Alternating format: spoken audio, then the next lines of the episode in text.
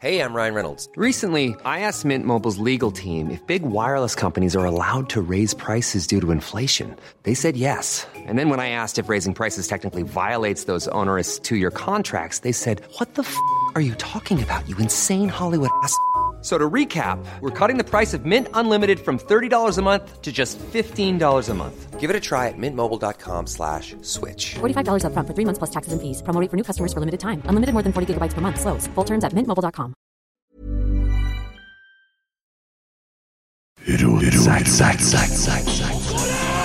Oi, oi, oi, oi, oi!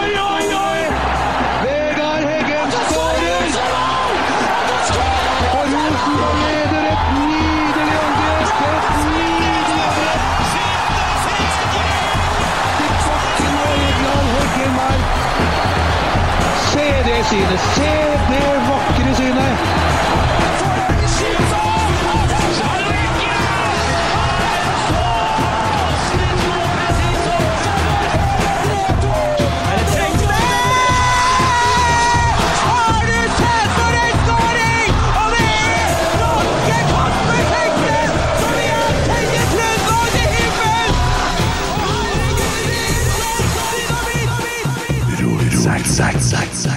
Hei, hei, og velkommen til en ny utgave av den fantastiske podkasten Rotsekk. I studio sitter Christer Nesse, Espen Viken og ingen ringere enn Skjalg Nesjan, som er leder i valgkomiteen i Rosenborg.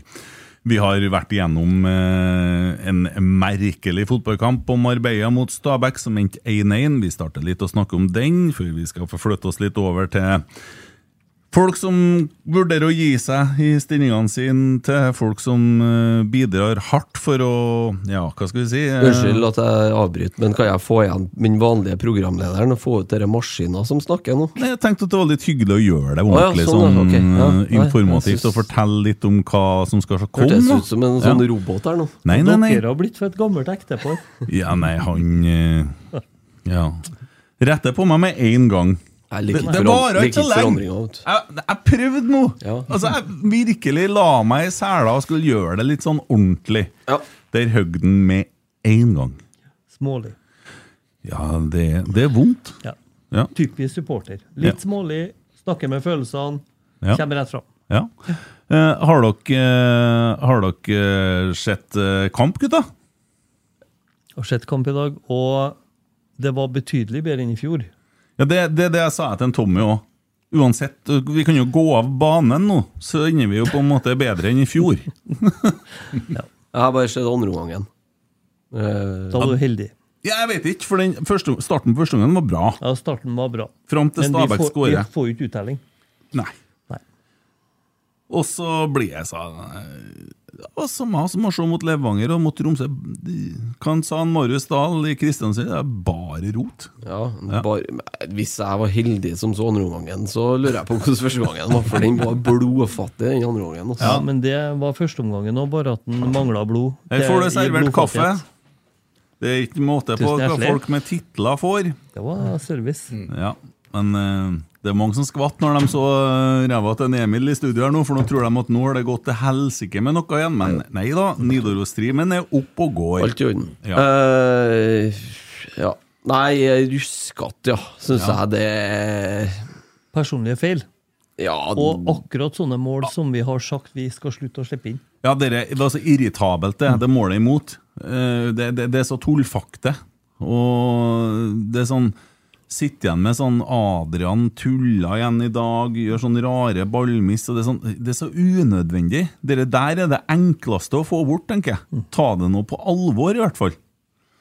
Så nei det, Nei, det er veldig mye rart. Det er pasninger som blir slått bak han som skal ha han, og blir slått foran, så går han utover sidelinja, og plutselig så er det eh, Når vi har endelig etablert et lite trykk på Stabæk sin, så er det å snu seg og, og få den ballen lengst mulig hjem igjen. Det, det er så mye sånne taktiske valg, eller eh, Som er helt uh, merkelig å se på, egentlig. ja. Eh, det er bra det er Men, stund igjen. men også er det nå, no, en situasjon da hvor at, uh, vi leser i media uh, om at Rosenborg har hatt flere spillere matforgifta, det er dårlige forhold, man har bytta hotell, man klager på det, hva, Hvordan uh, opplegg er det her? Du som har vært med en stund, var, var det sånn før òg, eller? Aldri dårlig hotell før, nei. Nei. Det var ikke noe krav til hotell før. Du tenker på Nils Arne Eggen-tida, så var det motell, og alle var fornøyd. nei. Men jeg tenker at eh, jeg er enig i at det, det er bedre i år enn det var i fjor. Ja. Og så er faktisk både A-laget og hele klubben um, i en oppbyggingsfase. Hvor vi oppnådde um, både medalje og Europa i, i fjor. Og, og laget under utvikling, og klubben under utvikling. Så jeg tror vi må, vi må ha litt tålmodighet og, og skaffe oss kontinuitet, både i spillerstall og, Ja. og, og rundt omkring også. Helt enig, helt enig i det. Men jeg syns det virker litt rart at vi klarer å reise til, til Spania, og så virker det som at uh, ting ikke er på stell. Og der har jo folk som er på jobb, som jobber med det. Det skal jo være i orden. Jeg ser ikke for meg at man kan ha noe særlig utbytte av den turen her. da. Nei, Ole Sæter sitter jo på flyet nå. Jeg snakka med han i stad. Sitter og kjeder seg og skriver litt med folk. da Kjøpt seg nett på Norwegian der, som delvis funker. Det går til noen få meldinger, og da må du vente lenge imellom. Du får ikke Ja, ikke. Ja, Jeg tror jo det blir litt langt å strekke til å si at de ikke har utbytte av eh, Marbella. Mm. For det tror jeg jo de har.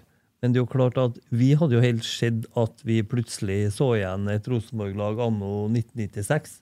Nei, Og 2022, vet du. 2022 man sammenligner med Og det er et stykke unna. Ja, Men det er ingen som forventer 96.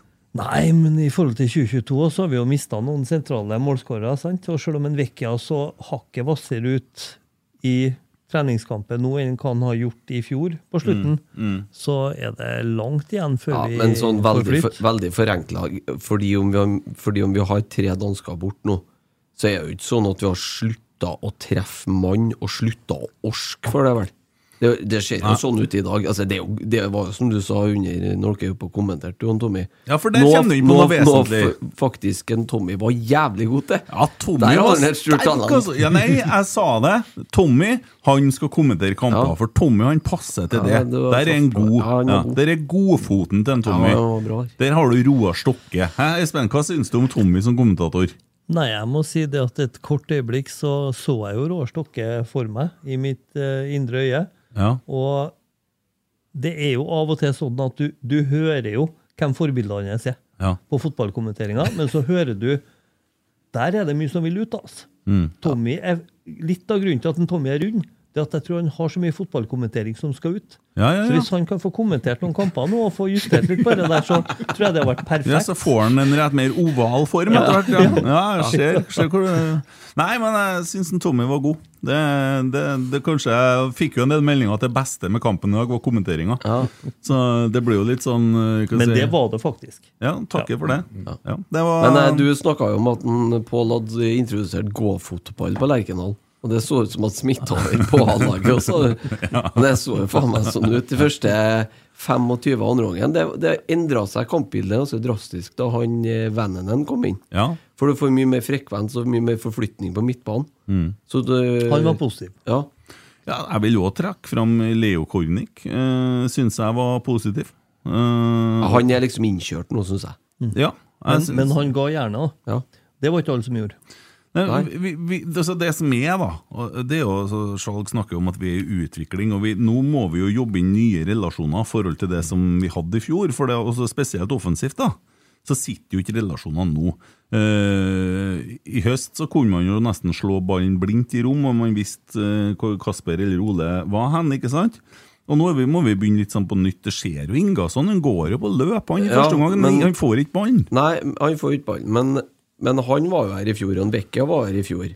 Og Tagseth var her i fjor, og Børke var her i fjor. Ingasson skal vi gi mer tid, for at Ingasson han har nesten ikke spilt. Nei, men sier- Og Kornik var her i fjor, og de treene bak ja, Ikke en Ulrik, da, han var ikke her i fjor. Mm. Men du har jo bytta ut noen, men at det skal bli så svakt som det var i dag så Vi skaper, vi skaper to målsjanser. Vi har Nei da Nei, nei. Det, er Nei, mer enn det, det men, var eh, flere. Ja, i andre omgang. Så bare andre Altså, omgang. Ja. Og vi hadde ballen inn, og det var feilaktig dømt offside på. Var det noen som ropte på VAR? Eh, ja, vi tulla litt med det. Men jeg fikk melding fra, fra folk som var i Marbella, at Stabæk-spillerne som sto og så på, som sto der og varma opp, de sa at det var ikke offside. Mm. Så det innbytterne til Stabæk sier at det var ikke offside. Ja, da Så- Vi vant 2-1, egentlig. Vi vant 2-1. Ja. Uh, nei, men så er det en treningskamp. Det er en treningskamp. Og, det, det er en, og det er trening mot et annet lag, det. Uh, og det er fint å få det. Mm. Så får vi øvd på Men relasjoner. hva trente vi på? Det er spørsmålet mitt, da. Relasjoner. Ja, ok. Nei, jeg tror vi trener på å bli ferdig med feil og mangler. Altså, det er noe med at Ja, ja, Jeg vil mye kanskje. heller ha en dårlig generalprøve enn en dårlig premiere. Og premieren kommer jo mot Viking Ja, på ja. Stavanger stadion. Ja. Og det er klart at å få, lu, også få gjort fra oss alt tullet på forhånd, og så bare dra ned dit og gi alle en god opplevelse, det tror jeg må være en bra målsetting. Helt enig. Uh, og det er bare noen få dager til neste kamp mot eh, Sandefjord. Kanskje noen uh, matforgiftninger slipper litt i flere, så kanskje blir vi bedre. Uh, og forhåpentligvis er Ole Sæter på plass, men han har jo ligget vært dårlig hjemme her. Så Ja, Han er ferdig med det. ja, det håper jeg jo inderlig, men det tok jo fryktelig lang tid før han reiste nedover, da. Hvem er det som har blitt matforgifta? Nei, det vet ikke jeg. Ah, nei. Nei. Okay. Hadde jeg visst det, så hadde jeg heller ikke sagt det. Uten at klubben har sagt det. Nei, ok. Ja. Nei, men eh, er ikke så mye mer å si om den kampen. Ja. Det, var, det ser ut på folk som det fungerte godt at Rotsekk kommenterte på Nidaros som et alternativ eh, variant, og da bestemmer vi oss vel for at vi gjør det på søndag òg. Og så er vel det noe å ta med seg. Ja. Ja. Det er bra. Eh, litt over til da valgkomiteen. Nå har det jo nettopp vært medlemsmøte i Rosenborg. Valgkomiteen har innstilt eh, samtlige med, nei, eh, i styret eh, altså, at man går en runde til. Det var ingen som var på valg, eller? Jo, det som er riktig å si, det er at de er innstilt på gjenvalg, de som er på valg. Ja. Og alle er ikke på valg. Mm. For noen var valgt for to år i fjor. ja. Valgkomiteen den består av Skjalg Nesjan, Jørn Ødegård, Katarina Erlandsen, Marit Collin eh, og Jon Gunnar Gundersen. Uh, og så er det vært en liten uh, justering på Navara-medlem, ser jeg. En som gikk ut av valgkomiteen da han ble eh, kandidat til en plass, til en plass i styret. Og så har du Morten Rolseth som er varamedlem. Og det der er ganske alvorlige saker å sitte i det valgkomiteen. Det er jo ganske viktige ting dere holder på med. Ja, det er jo det. Vi, Ja. vi skal jo innstille til, til kommende styre og kontrollutvalg. Og det er jo to organ som er veldig viktige for, for klubben også. Men øh, altså øh, Kan ikke du bare begynne med å så det er, jo, det er jo korte versjonen, men si litt om hvordan dere jobber, da. Altså, Ja, jeg har tenkt på det. Ja. Hvordan er det hvis når, også, når du skulle eh, innstille Cecilie til styreleder, da? Hvordan er det dere finner hun, og hvordan jobber dere da? Nei, det var jo en spesiell eh, situasjon. Fordi at uh, sittende styreleder ønska ikke å ta gjenvalg helt uh, når vi Altså, vi starter jo prosessen eh, ofte i august. Kanskje litt tidligere i år hvor vi skal innstille på styreleder, for det er litt mer omfattende. Så da har vi ofte et sånt konstituerende møte like før ferien. Men i utgangspunktet så foregår valgkomiteens arbeid fra fra rett etter ferieavviklinga og, og til mm, vi skal legge frem en innstilling før jul. Og så presenteres den på første medlemsmøte etter nyttår. Mm. Men, eh, men når Cecilie da ble innstilt som styreleder, så var det litt spesielt, ja. For da, da signaliserte eh, eh, sittende styreleder eh, veldig seint at han ikke ønska gjenvalg. Så da måtte vi jobbe hardt og mye. eh, for den kom like før jul. Ja. Men, men dere er litt som uh, sportslig i Rosenborg, sant? Dere har liksom et skyggelag dere jobber med, har dere det? Jo, du kan si at det vi starter med De første møtene i valgkomiteen går jo ofte til å bestemme oss om hvordan vi skal jobbe. Um, og på en måte strukturen i det. Um, men så um, har vi jo eh, et altså individuelle intervju med hvert enkelt styremedlem. Både dem som er på valg, og dem som ikke er på valg. Og så har vi også en runde med Kjernen, og med Veteranlaget, og med kontrollutvalget. Eh, Men så eh, kommer det jo eh, Så har vi en prosess hvor medlemmene i Rosenborg får mulighet til å fremme forslag på andre kandidater. Og, hvis, og det er jo to mulige innganger på det. Enten så uh, finner vi ut at vi har behov for å vurdere flere. Og dem som vi da syns er mest interessante, dem tar vi også et intervju med. Og vi har utvikla en, en intervjuguide. Og vi, vi har et sånn fast opplegg på det. Som gjør at vi også er en vurdering til slutt. Med, og vi har utarbeidet et kriteriesett både for styre, kompetansekrav, og også for styreleder. Hva, Hvilke egenskaper bør en styreleder i Rosenborg inneha? Nei, det er veldig komplementære ferdigheter, det, da. Mm. Eh, Men uh, sist vi ja, valgte ny styreleder, så var jeg veldig på jakt etter noen som, kunne, som var god til å jobbe i team, og få laget som styrer med seg. Og, og bli på en måte ja, veldig samkjørt. Og, og det har de jo også jobba med nå det første året. Um, Men det er et ferskt styre i Rosenborg-sammenheng. Så fra å ha noen eh, rutinerte styremedlemmer tidligere, som har sittet i ti og åtte år osv., så, videre, så er vel nå eh, den som står lengst, har sittet i tre år. Så det, mm, og årets styre har nok brukt eh, en del tid i starten på på en måte å bli kjent med hverandre, kjent med sterke sider, og, og på en måte kjørt det sammen. Da. Det matcher jo laget, da, for hele administrasjonen har jo gått ned ca. 40 år i gjennomsnittsalder. og Ny trener og nytt lag. altså Alt er jo nytt her, unntatt stadion. Det som er litt spesielt med årets styre, er jo at de er veldig mange, og er vel eh, og har sittet veldig kort pga. at årsmøtet var så seint i fjor. Det stemmer også. Ja. Så de, eh, de har sikkert brukt tida til innkjøring, vil jeg tro. ja. Men jeg kan jo si litt om det med Du sier helt riktig at de er mange. Altså i, Tidligere så, så det fremgikk jo også av, av Rosenborgs lov at styret skulle bestå av sju styremedlemmer og ett varemedlem. Og nå er vi ni styremedlemmer og to varemedlemmer. Og det skyldes altså den, den sammenslåingsavtalen som lå til grunn for fusjonen med Rosenborg Kvinner. Ja. Eh, Og eh, det er en sånn overgangsperiode på to år. Så nå er det siste årsmøtet hvor vi velger ut fra den strukturen med 9 pluss 2.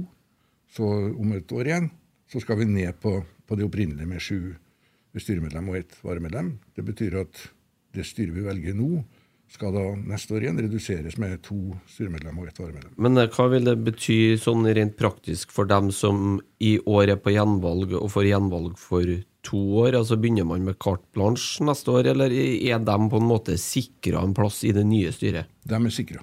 Ja, ok. Ja, øh, også den fusjonsprosessen her, da. Her, her har man øh, fusjonert med en øh, litt mindre klubb, kan man si, i forhold til medlemmer og størrelse øh, generelt. Og økonomi. Og økonomi, ikke minst. Men allikevel så har de like mange eh, altså Det styret består jo på en måte mer eller mindre av 50-50 fra hver klubb. Og de fikk jo velge sine på sitt møte på Lade. Er det sånn at det satt 30 stykker på Lade og valgte halve styret, og så satt vi 800, eller hva det var for noe? Over 1000 må være. Ja. Ikke, ikke valgt halve styret, men, men sammenslåingsavtalen regulerte jo det her. Ja. Hvordan, altså hvor mange som skulle inn, eh, utvidelse av antall styre, som er nevnt, eh, og hvordan det skulle gjøres. Ja. Sånn at vi hadde, hadde ingen påvirkning på, Nei, nei, nei. eh, på det valget, nei. Nei. Eh, Verken innstillingsmessig eller Det var en egen valgkomité for Rosenborg Kvinner Mm. som innstilte, som på en måte gjorde den samme jobben som vi gjorde for, Ja. her, for herrer. Ja, Men, så- det, men det var to adskilte prosesser, ja. Ja, så det var, det var i, den sammen, I den sammenslåingsplanen som styret la fram for årsmøtet i fjor, da, så var det egentlig dem som la de føringene at så mange skal inn her, så mange skal inn her. Altså Dere var ikke med og rekrutterte i, i medlemsmassen til kvinner på en måte for å sette sammen det styret som er i dag. Nei. Nei. Det eneste dialogen Jeg hadde et møte med lederen av valgkomiteen for å sikre at vi, at vi på en måte fikk eh, altså For å vurdere kompetanseområdene. Mm. Så at vi ikke hadde bare én type kompetanse inn i styret, eller noen få. Det var det eneste. Nei, ellers så gikk den prosessen helt atskilt. Ja, for man blir jo litt sånn eh, redd fordi at det å komme inn i styret i Rosenborg ballklubb eh, herrer, det er en atskillig større greie enn eh, Det blir jo som å ta en femtedivisjonsklubb og slå sammen en eliteserieklubb i en ganske bra størrelse, egentlig. Sånn i forhold til antall folk og sånn. Men jeg skjønner at Ja. dere har jo ikke noe med den prosessen, men også sett utenfra, så hvis det har skjedd i sånn business-sammenheng, så hadde det jo sett litt rart ut. Sånn i Ja, jeg er helt enig i det, ja, på grunn av dimensjonene her. Ja. Større forskjellen. Men, men sånn er det nå en gang. Og styret består nå av styreleder Cecilie Godås Johnsen, nestleder Ørjan Engen, styre, styremedlem Svein Tore Samdal, Uh, ja, Tore Reginussen, Karin Espelund, O- Ole Rogstad Jørstad, Olaby Riise, Ingrid Romslo Meyer og Ingvild Farstad. Og så har du varamedlem Frank Norvik og Kristine Aaseng. Det er dem som sitter i styret.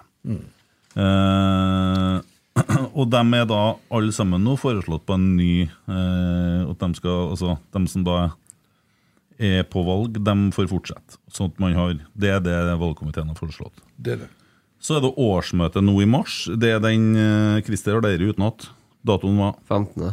15. mars. Og eh, da kan det komme opp benkeforslag, eller Det kan jo skje.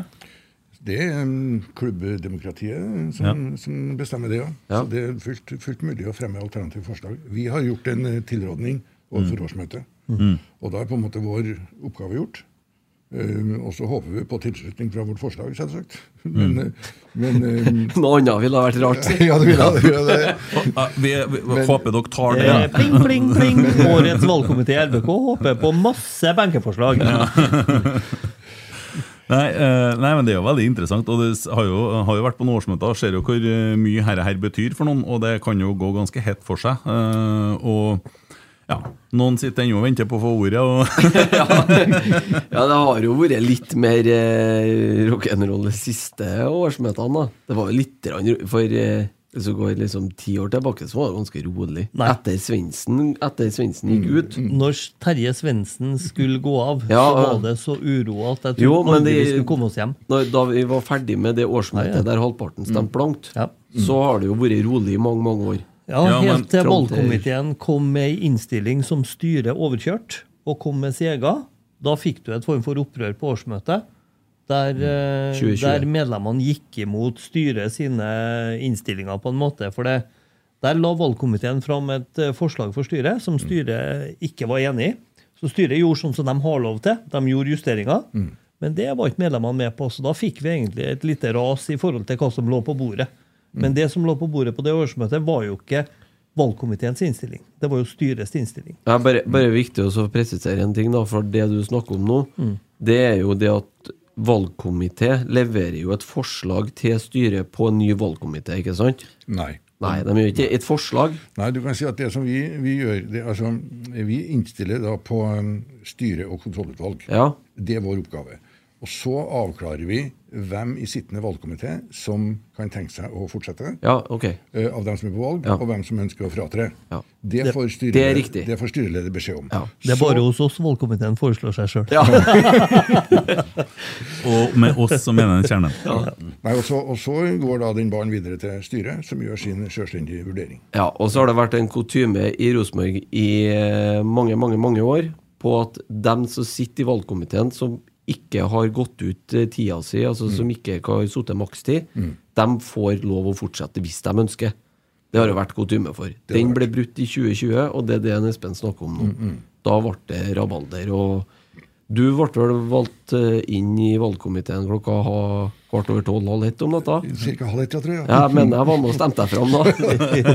takk, takk. Jo, men det er, en, det er en forskjell her, da. For 2020 og 2018, 2017, 2016, 2015 Det at De årene vi vinner serien, så vil jeg tro sånne møter går atskillig enklere. Og Da er økonomien grei, og da er alle sammen glad, og ingen klager på noe. Og da bare se Ja, greit, klang. Eh, og så taper vi noen år. Ja, kvart, kvart på ni senest er vi ferdige, da. Ja, da begynner, da begynner folk å komme med andre forslag. Her må vi gjøre noe. Her må vi, og vi skal gjøre det nå. Ja. Ja. Ingen har helt klart for seg hvilken vei det skal gå, men det må gå en vei. Ja, det er utrolig mange som sitter med gode løsninger på hvordan ting skal drives i klubben. Ja, for det, det Det- kalles jo når at det blæs, altså Det er en sånn beskrivelse de bruker om det årsmøtene. De kaller jo polsk riksdag. Når det de årene det blir litt sånn guffe. Men hva betyr egentlig det? Hva er det ordtaket polsk riksdag? Jeg kikker på deg nå, for du er lærer. Du kanskje vet det. Jeg er ikke jeg er ikke lærer i Nei, polsk. nei, ok, Jeg nei. er ikke lærer i Polen, sier jeg. nei, men det er jo en beskrivelse for at det koker litt, i hvert fall. Ja.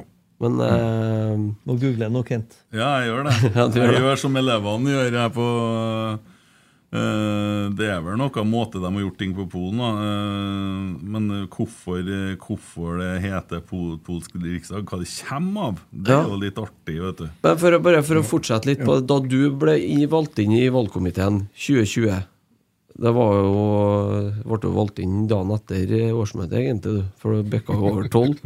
Men altså, det er jo demokratiets eh, Det, jo, det var jo en demokratisk prosess, det. Du ble benka med- Eller kom jo benkeforslag på deg i, eh, fra en i salen, og det var avstemning. Ja, du kan si at eh, eh, jeg var foreslått eh, tidlig Ja. som en kandidat inn til styret i deres prosess. Ja. Men av styret ble jeg ikke innstilt. Nei. Der var noen andre vurderinger som ble lagt til grunn da. Eh, og når årsmøtet starta, eller i noen pauser før man kom til valg, så ble jeg forespurt om å gå inn i, eh, i valgkomiteen som medlem. Fordi at alle trodde jo at eh, Bård Benum, som da var forslaget fra styret, var den som da soleklart ble, ble valgt til leder. Eh, og så var det ikke alle som var enig i det. Så ble jeg jo spurt i en pause der om uh, Flaks du ikke har gått hjem, da. Ja, ja, nei, jeg må holde ut, da. Må det. Så eh, ble jeg spurt i en pause om jeg kunne være, være eh, kandidat til å være leder. Og da eh, gikk jeg en, kort runde med meg sjøl. For det jo, altså årsmøtene lever jo sine egne liv. Du kunne jo ha risikert at, eh, at hvis du eh, hadde, hadde fikk årsmøtesalen mot deg, så kunne det flertallet som forplante seg når du skulle inn som et medlem etter å ha tapt et ledervalg. Men mange mente at det burde stille, da, så jeg gjorde nå det. da. Men det var, ganske, det var mange medlemmer til stede, og det var jeg tror på en måte vant sånn med kanskje toppen 15 stemmer overvekt. Altså Det var veldig, veldig jevnt. Ja, det var Jeg husker det. Eh, Det er noe som heter liberum veto. Ja. Liberum veto var et veto som kunne led- nedlegges av alle polske riksdagsmenn på 1600- og 1700-tallet for å stanse et vedtak i Underhuset. Dersom liberum veto ble nedlagt, ble forsamlingens forhandlinger avbrutt, og alle dens tidligere vedtak ble annullert. Så og da ble Den første gang Riksdagen ble sprengt som følge av at noen la ned Liberum veto, var i 19, nei, 1652. Men i første halvdel av 1700-tallet skjedde det ofte. For da er det jo umulig å få til noen ting. Da. Ja, da Da, da kan du bare stoppe. Hvem som helst kan stoppe hele driten og du må begynne på nytt. Da ble det Har polsk riksdag. Da ble du holde han på lenge. Jeg har blitt senere enn halv ett i fjor, da. Det, det hørtes eh, veldig ugunstig ut, men uh, de prøvde det i Polen en stund. Ja. Så da vet vi, da lærte vi det, Espen. Jeg er fascinert over eh, kunnskapsnivået i rotsekk etter Nei, hvert. sånne ting syns jeg er fryktelig interessant. Ja, Og vit, så Det er litt sånn artig, for vi sier jo bare polsk riksdag, og som Christer sier, hvorfor sier vi egentlig det? Hva kommer det av? Og nå vet vi det. Da har vi lært noe i dag òg. Ja. Men eh, når dere gikk, vi gikk fram for å eh, innstille på gjenvalg, da, på de dem som er eh, innstilt på det nå eh, dere snakka med mange kandidater utenfor styret som var aktuelle for en plass inn? Nei, vi har ikke snakka med mange, men vi fikk noen forslag, og vi har snakka med noen i et intervju. ja. Ja. Blant annet han som dere så her, eh, som gikk ut av valgkomiteen. Viggen Noen Ragnar hadde vi samtale med, ja. Ja. Og et, et, et, eh, Og han har, han har ikke kommet tilbake i valgkomiteen igjen? Jo, nå, Han- gjør det? Altså, det er jo styrets innstilling som avgjør, men han, har, han har sagt ja til å fortsette valgkomiteen Ja, et okay. nytt år. Ja. Det er jeg veldig glad for. En dyktig, dyktig kar. Vi hadde et intervju med han. Det var jo forberedt vi oss godt til. Fordi det er litt spesielt når det er en som du jobber så tett sammen med, også skal på en måte spørre ut om um, Han gjorde et veldig godt intervju, og det syntes hele valgkomiteen. Men til slutt så havna vi jo på at, um, at vi gikk for eh, stabilitet og kontinuitet, da. eh, Som er bakgrunnen for, for den innstillinga på gjenvalg da, på alle som er på valg. da. Um, og jeg hadde en god samtale med han etterpå også, eh, hvor eh, han forsto det godt, hva vi hadde vektlagt. Og um, i sånne settinger så kan det jo ofte bli sånn at folk blir skuffa og kanskje ikke vil være med noe mer. Men tvert imot. Så eh, han tror jeg har sitt hjerte for Rosenborg og ville ha bidra hvis det var behov og ønske for det. Og når vi da landa på et annet forslag, så var han, var han veldig klar på å fortsette i valgkomiteen. Så han, eh, han i hvert fall spilt inn eh, til styret som, at han ønsker å fortsette. Og Så får han se på styrets innstilling. da. Ja. Eh, Det var en ting vi glemte i starten. Det hadde vært artig å prøve å gjort en annen variant. Men vi er sponsa Ja, vi er det, vet du. av Pepsi Max og Esedals pub og kjøkken. Ja, Det inneholder reklame, vi må huske på å si det. Det er Ellers så viktig. kommer en Eriksen og tar oss. Og i, i stedet for å gjøre som vi pleier, så må jeg bare si at hvis du nå er fryktelig fullsjuk, det er søndag, du ligger på sofaen og kaster opp, og du vet ikke hva du skal gjøre for å komme deg, ta en taxi, kom deg nedpå til en Alex på Esedals pub og kjøkken, bestill deg en entrecôte, og du blir frisk. Ja, Det er garantert. Så kan du gå en tur ned langs havna etterpå. Kvakksalver. Sånn er det. Kjøp deg en Pepsi Max med eh, den biffen, ta det på størten, og du er som ny igjen, og kan fortsette å drikke senere på kvelden. Ja. Alternativt så kan du kjøpe deg en sånn Pepsi Max-variant, litt sånn lysebrun med skum på toppen. Mm. Det er òg en god Pepsi Max de har der. De har veldig mye forskjellig Pepsi Max. det finnes jo flere varianter. Ja, Anbefaler alle. Ja. Så absolutt. Det var dagens reklame. Eh, jeg fortsetter litt til med en skjalg. Vet du, eh, du er, du er en god, tålmodig, lyttende mann, Espen, og jeg er veldig glad i deg. Og jeg gleder meg til å høre Jeg sitter helt tålmodig og hører på en skjalg, for jeg syns det som skjer i Rosenborg altså det har vært Etter min mening så har vi hatt et styre i Rosenborg ballklubb som har håndtert sammenslåinga veldig klønete. Fordi medlemmene, eller deler av medlemsmassen, har etterspurt gode svar, ikke fått det. Så man har på en måte gjort denne sammenslåinga til en dårligere prosess enn det det burde ha vært. Nå er vi i en prosess der hvor vi skal på en måte i denne sammenjobbinga skal ha de rette folkene til å få de rette valgene til å gjøre de rette tingene. Dette er jo kjempeviktig. Veldig interessant. Jeg må bare skyte inn der. Vi hadde jo besøk eh, i podden her på søndag av Tore Berdal. Som viser noen sider av seg sjøl som er helt fantastisk. Tore Eh, Langrenn. Tore Tore Langrenn han, eh, han eh, forteller litt om hvordan ståa er i Rosenborg, hvordan han jobber. Og tror også her har man gjort en meget bra sak når man har ansatt en mann der i den rollen. Og det var en grundig og god prosess. Men jeg tror vi har funnet helt riktig person til den jobben. Og at det er han som sitter og styrer mye av skuta i den fusjonsprosessen, det tror jeg vi skal være veldig glad for. Ja. Ja. Det er som jeg har sagt den før, at det hadde vært det aller aller beste hvis han hadde vært eh, Hvis de hadde fått fram han i fjor. For det var jo det her han satt og jobba med. Mm, Men så ble det fronta av styret på en forferdelig klønete måte den gangen. Ja, ja. Også, Men jeg syns jo men- de har henta seg inn ganske bra nå. Jeg syns Ja, ting begynner å ja, det er det jeg sier. Ja. Jeg- Det har fått begynt å satse seg litt, det nye styret, og, og den åpenheten man viser på det medlemsmøtet Mm. vi var på forrige uke, da dere la fram eh, deres innstilling òg. Mm. For det er jo ikke noe selvfølge. Det der er jo ikke noe man må gjøre. Det er jo noe man kan, noe man velger å gjøre Mm. til informasjon for medlemmene. Og det er en veldig ryddig måte å gjøre det på. Mm. Og det Ja, men eh, altså, Tore, tydelig, klok. Uh, jeg tror han har god peiling på tall. Uh, ja, det, og- det er ikke jeg bekymra for. Ja, og han er flink med folk. Og uh, Vi ante vel da, men vi kan jo si det høyt nå. Vi har tatt over RBK-shoppen. Det syns jeg er kjempeartig. Det er veldig bra. Ja, det, er- det er gledelig. Og, ja. Men Skjalg, eh, historien din med Rosenborg, da, når begynner den egentlig? Ja, da må vi langt tilbake, vet du. Ja, hvor langt da? I er høsten 1980. Ja. Da eh, Vi rakk å røkke opp igjen før du kom, kom inn. i- Ja Nei, men det var jo, var jo Rosenborg-tilhenger før den tid. Men, Ja. men da eh, var jeg klubbtrener Ja. eh, og ble henta til Rosenborg som trener. ja, det ble du, ja. Ja, Så fra, eh, fra 81 så trente aldersbestemte lag i Rosenborg. Det var inngangen. ja. Og så var det en annen eh, organisasjonsmodell den gangen. Sånn at etter to år så ble jeg da spurt om å overta som eh, juniorformann. Etter den gangen. ja. Det var altså lederen av junioravdelinga, det som etter hvert ble ungdomsavdeling. Men det var én ting at du leda den avdelinga, men da var du også eh, medlem i hovedstyret. Så jeg satt i hovedstyret da i to perioder. Og ellers hadde ja, gjort mange ting. Eh, Vært medlem hele tida, men eh, Men i, i styret der ifra i 1980 Ja, det var noe fra eh, Måtte være fra 83, da. Ja, Og da satt du toårsperiode, eller? Toårsperiode. Ja, Så du rakk å slå Lillestrøm eh, som styremedlem? I 85 Ja. glemmes ikke. Nei, jeg skjønner. Ikke, ikke banketten på Britannia heller. Nei. Men var Nei, det sånn ok. Er det noe du vil fortelle om den banketten? Nei, det som kanskje var spesielt eh, da, Ja. det var for første gang i mitt liv så og ble vi møtt med kelnere i gulljakka.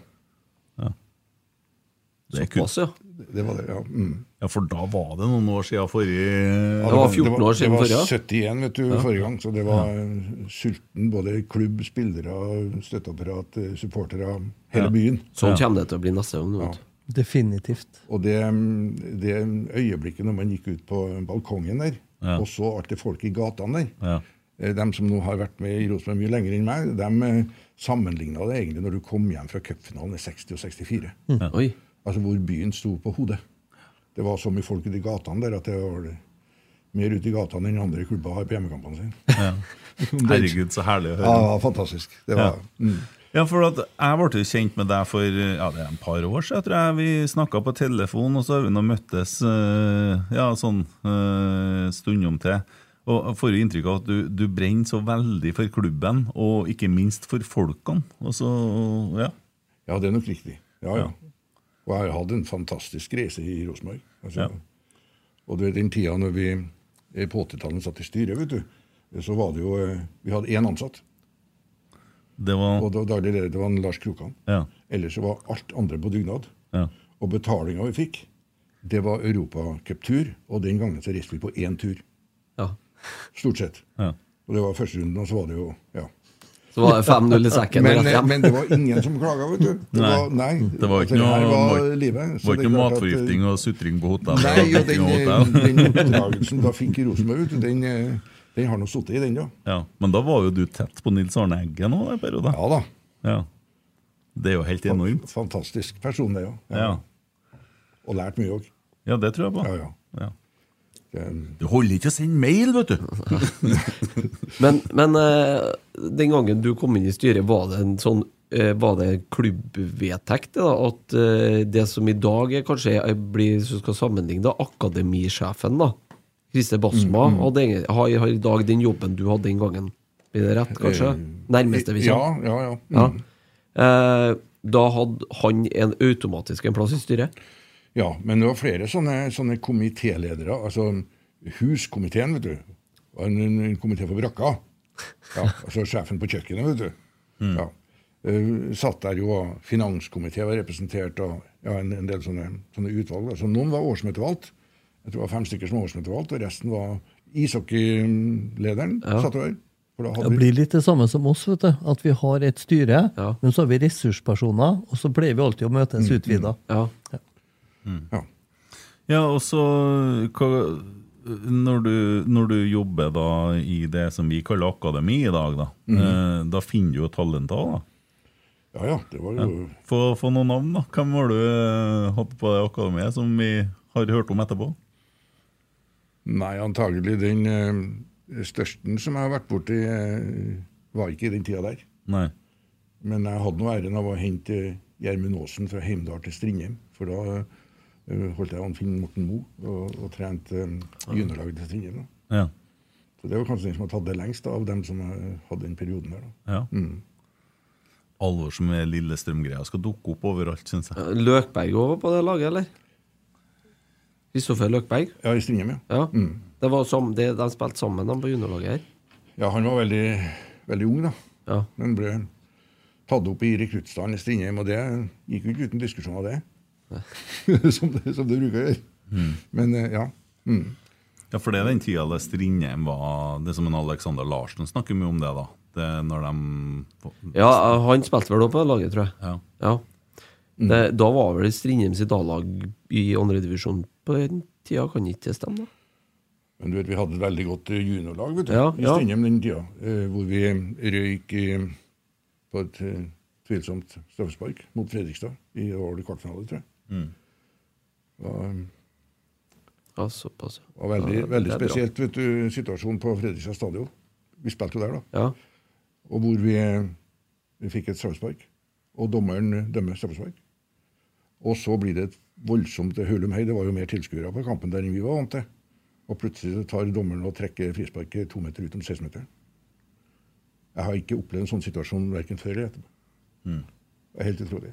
Ja. Men det var en god årgang i, Strindheim, ja. Så var jo etterpå det i, i Ranheim, da. Det der er den eh, tidlige utgaven av VAR. Den heter PAR. Publicum Assisted Review. Det er PAR. Klassisk PAR. sant? Ja, så ferdig til Ranheim. Nei, så etter det, så da tenkte jeg at jeg har holdt på så lenge, så da um, skulle jeg ha et hvileår. Og det varte fra um, jul til mars ca. Da ringte han Stig Vinsnes, som var sportslig leder i, i Ranheim. Og um, han eh, Ikke sikkert han brukte så mye energi på det, men han klarte å overbevise meg. Så da gikk jeg der og, og hadde ansvar for rekruttstallen, som da besto av Rosenborg, nei, Ranheim 2 og juniorlaget. Hvilket årstall er vi kommet til nå? Da er vi vel på uh, 2009 Ja. til 2015. Ja. ja. Ja, ja, Var du der helt til 2015? Ja, avslutta til til jul da. Kjenner jo om Brynjar, han, vet du.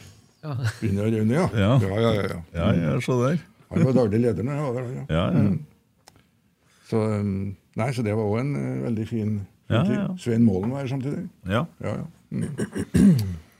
ja og så, har du, så er du medlem av Lauget. ja.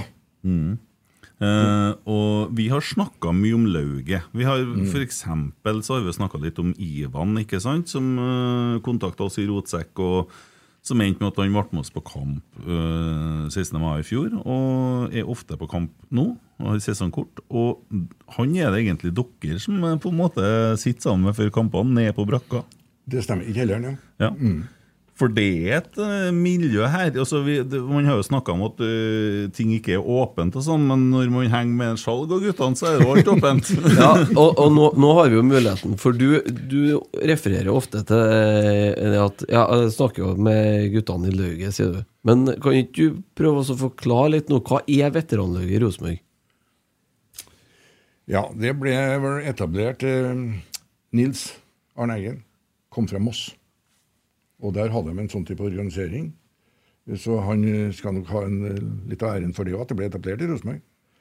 Um, det har jo um, Nei, det er jo en, en sånn eh, organ som består av um, altså Tidligere så, må, så måtte det da være spiller, og um, på et visst nivå, gjerne med serie- og cupgull.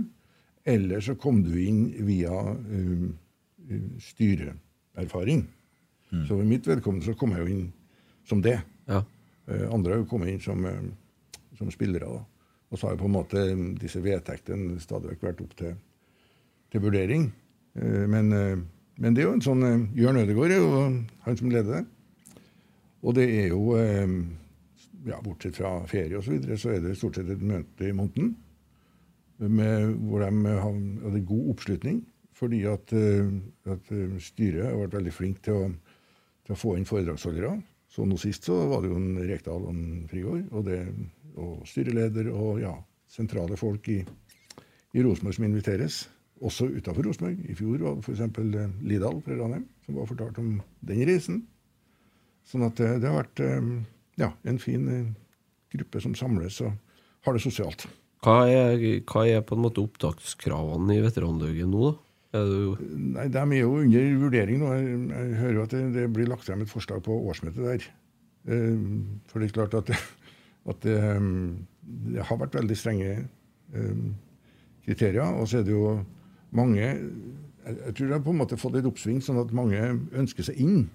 Uten at de da tilfredsstiller de formelle kravene i dag. Så det er det som styret holder på å jobbe med og skal se på hva som skal være de framtidige kriteriene. Ja, For det, det For har det er en sånn, det er en sånn eh, forgubbing. Altså, folk blir jo, blir jo eldre. Ja, for jeg spurte jo Karlan når jeg var der. Mm. Hvordan rekrutterer dere egentlig? Nei, det er ikke noe rekruttering. Det er ikke noe sånn som kikker på det. Nei, men hvis ikke det skjer, da, så faller jo folk ifra, og så forsvinner jo lauget. Man vil jo ikke det. Nei, Man vil jo ikke det. Det, er veldig ålreit, og det, det er sosialt. og det Man passer på å fornye dere, vet du, ellers så skriver de sånne kommentarer og adresser om den harmonien og dere sånn Oi, sånn, ja. Ja. Det er skummelt, vet du. Det er farlig i dag, det. Men, men det jeg har hørt, av det er at hvis du har vært medlem i Rosenborg i ti år og jobba aktivt positivt for klubben, så er du kvalifisert til å kunne søke om å få bli med i lauget. Ja, det er jo, det er jo, eh, Det kommer jo ofte et eh, forslag eller en søknad. Ja. Eh, Folk henvende seg, og så er det styret som, eh, som vurderer det. Men, men disse enkelttilfellene jo, har jo styret fullmakt til å vurdere også. Men det, da er det styret i Rosenborg som Nei, styret i Veteranlaget. Ja. Ja. Ja. Men også, og Da har dere møte en gang i måneden. Da Ja. går dere gjennom saker som er på årsmøte. Dere jobber for uh, Sånn som når gatelaget har turnering, så står dere gjerne og serverer gratis kaffe til folk og er på en måte bidrar på den sosiale biten. Ja, vi var jo forespurt om det Ja. når den turneringa var, og det var jo ja med en gang. Ja. Og vi, er- vi er jo med, vi var jo med og, og bidro på når eh, Rosenborg kvinner spilte kamp mot Brann på Lerkendal. Masse folk fra veteranlaget som var der. Um, noen av dem har jo også opp, sånn vertskapsroller på hjemmekamp mot A-laget også. Um, på, Jeg må skryte av dere. Jeg har jo vært i kjelleren og spist uh, vafler før kamp. Det var skikkelig ålreite vafler. du syns det? Ja, ja, ja, ok. Veldig bra. Ja. Nei, og det er jo, eh, Selv om det er veteranlaget som på en måte står for det, så er det jo åpent for sesongkortholdere. og altså, Du trenger ikke å være medlem for å, for å bli med der, nei. Nei, Der kan alle sammen komme. Ja. Mm. Og, så, og så har dere møter, og så kommer Kjetil og forteller litt om hvordan de jobber, og så engasjerer dere i forskjellige ting, da, både organisatorisk i Rosenborg og i forhold til andre ting. Og Ja. har meninger og prøver å bidra til Ja. Ja, vi, vi gjør det. Um, um, jeg kan nesten ikke huske på at noen har sagt nei. Og man har jo, når f.eks. Rosenborg kvinner spilte kvalik Champions League her, så var jo mange i uh, altså Noen som er eldre enn meg, vet du, som ikke er på jobb, som kan gjøre ting på dagtid. Ja, ja, ja. Men det var jo alt fra å hente lagene på Værnes til geleide dem på hotellet til ja, Var med i en sånn team rundt det. da. Jeg har lyst til å understreke en ting til, og det er at veteranlauget er jo en sånn form for maktfaktor i Rosenborg-systemet, både på årsmøtene og i andre sammenhenger. Altså Det er et veldig engasjement, og det er en, en bra masse. Og det har betydning hva veteranlauget mener. Og dere har nok litt sånn preserverende effekt, tror jeg. Pluss at dere også samtidig kan være ganske eh, revolusjonære når det, når det kommer til det. Så eh, det er på en måte en del av Rosenborg-kulturen. Og det er en sterk del av Rosenborg-kulturen. En fin del av Rosenborg-kulturen. Så bra. Jeg er ikke enig med dere bestandig, men uh, Nei, for, Nei. Hvor mange er det som er med i Løggen? Nei, det er vel noe i overkant av 100 stykker, tror jeg. Ja. Ja. ja, og, og for du, Espen, du er jo Vi har jo sagt eh, tidligere her nå avtroppende leder i Kjernen, fordi at du har stilt plassen din til disposisjon nå, og det er mulig at årsmøtet vil vedta at noen andre tar den plassen, fyller den stolen. ja. Ja, Da sier ikke jeg noe galt. Nei, absolutt ikke. Må jo være åpen. Ja. Det er jo litt av poenget. Og når uh, valgkomitélederen ringer meg og hører hvordan jeg stiller meg, så det er jo en greie. Jeg har jo sittet i åtte år. Så for meg så har jeg jo egentlig tenkt de siste årene på når jeg skal gi meg. Jeg har ikke tenkt å ta en Ivar og sitte i ti år. Det er for lenge. Ja. Så da er det kanskje lurt å gi seg. Jeg har egentlig et år igjen. Mm. men eh, hvis det er nye som er engasjert, motivert, og som jeg er jo enig i at kommer til å gjøre en god jobb, så tenker jeg det kan være en mulighet. Men det kan vi ikke forskuttere, for det er det faktisk opp til årsmøtet å bestemme. Ja, det kan man ikke gjøre. Men uh, så etter alle solmerker så er du inn i denne siste uka som leder i Kjernen. Det er det opp til årsmøtet å bestemme. Ja, Ja. mest sannsynlig så er Du det høres søren meg ut som en journalist, vet du. Jobber du i Nidaros, eller? Nei. Nei da. Eh, Men eh, det kan jo uansett da være litt tid for å mimre litt eh, som kjernenleder, for du har jo vært med på litt andre ting. Og så tenker jeg på det som Skjalg representerer her, må, altså i tillegg til valgkomiteen, og så har du Lauget. Men så representerer jo du og Christer, da, og egentlig meg òg, som er medlem av Kjernen. Eh, Den andre grupperinga. Og det jo, har jo hendt noen gang at de to grupperingene står litt og stanger mot hverandre. Det er litt av dynamikken i RBK. At Ja. du har kjernen Ja. eh, og veteranlauget som har litt ulike oppfatninger av ting. Og da får du ganske gode brytninger og litt konflikter, og det har vi godt av. Ja, ja, det, Og det er greit. Men samtidig så er det en ting jeg har spurt dere om, og nå spør jeg dere her. Burde ikke en Espen ha vært med på lauget på et medlemsmøte og fortalt om hvordan kjernen jobber, hva de ønsker å oppnå, hva de står for? Og omvendt, Skjalg eller eh, han Jørn som du snakka om, eh, vært med til kjernen og fortalt hvordan lauget jobber, hva de står for, sånn at man på en måte har lært hverandre å kjenne. Jeg mener ikke at man skal bli enige i alt langt derifra, Men å komme litt nærmere hverandre i forståelse. Jeg Var på lauget Ja. for fire-fem år siden. Ja. Ble invitert inn til å fortelle om kjernen, og det tror jeg var litt overraskende for mange. Eh, når jeg var åpen om hvordan vi holdt på, og hva som er greia, og hva som er viktig for kjernen. Eh, og på vei ut, så Eldstemann, han tror jeg var 1-2-93. Han klappa meg på ryggen. Og det var i denne tida det var mye styr. Det var mye sånn Hate Moldeby og mye pyro og greier. Klappa meg på ryggen han og sa at eh, jeg heier på dere, jeg. Jeg sitter på Adidasen, og de to idiotene som sitter ved siden av meg, er mye verre enn dere. Det er jo ålreit å høre. Ja. Men du vet at eh, det hører med til historien at eh, som en eh, sier at det har vært noe uenigheter. Det skulle nå bare mangle i en stor, stor klubb. Men det som har, i de tre årene som jeg har nå ledet valgkomiteen, så har jeg og Espen hatt veldig god dialog. Til tross for at vi ikke har vært enige i alt. Ja, og det skulle bare mangle. Vi har jo et felles lag. Riktig. ja. Eh, Da vi fikk gjort om til Odd Iversens vei, så var jo det et fellesprosjekt der eh, Veteranlauget og Kjernen mm. jobba sammen.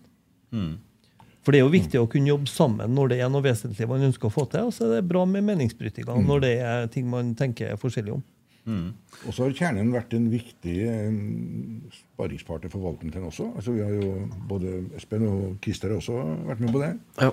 Um, så, den, um, så Kjernen har jo vært i de tre årene som jeg har holdt på, i hvert fall, og sikkert før den tid også, så har det vært viktig å få høre hva de syns om dagens styre, om um, organisering. om, og det har vært veldig, Espen har vært veldig ærlig, så han sier jo meninga si uansett hvordan for han er, og det er fint.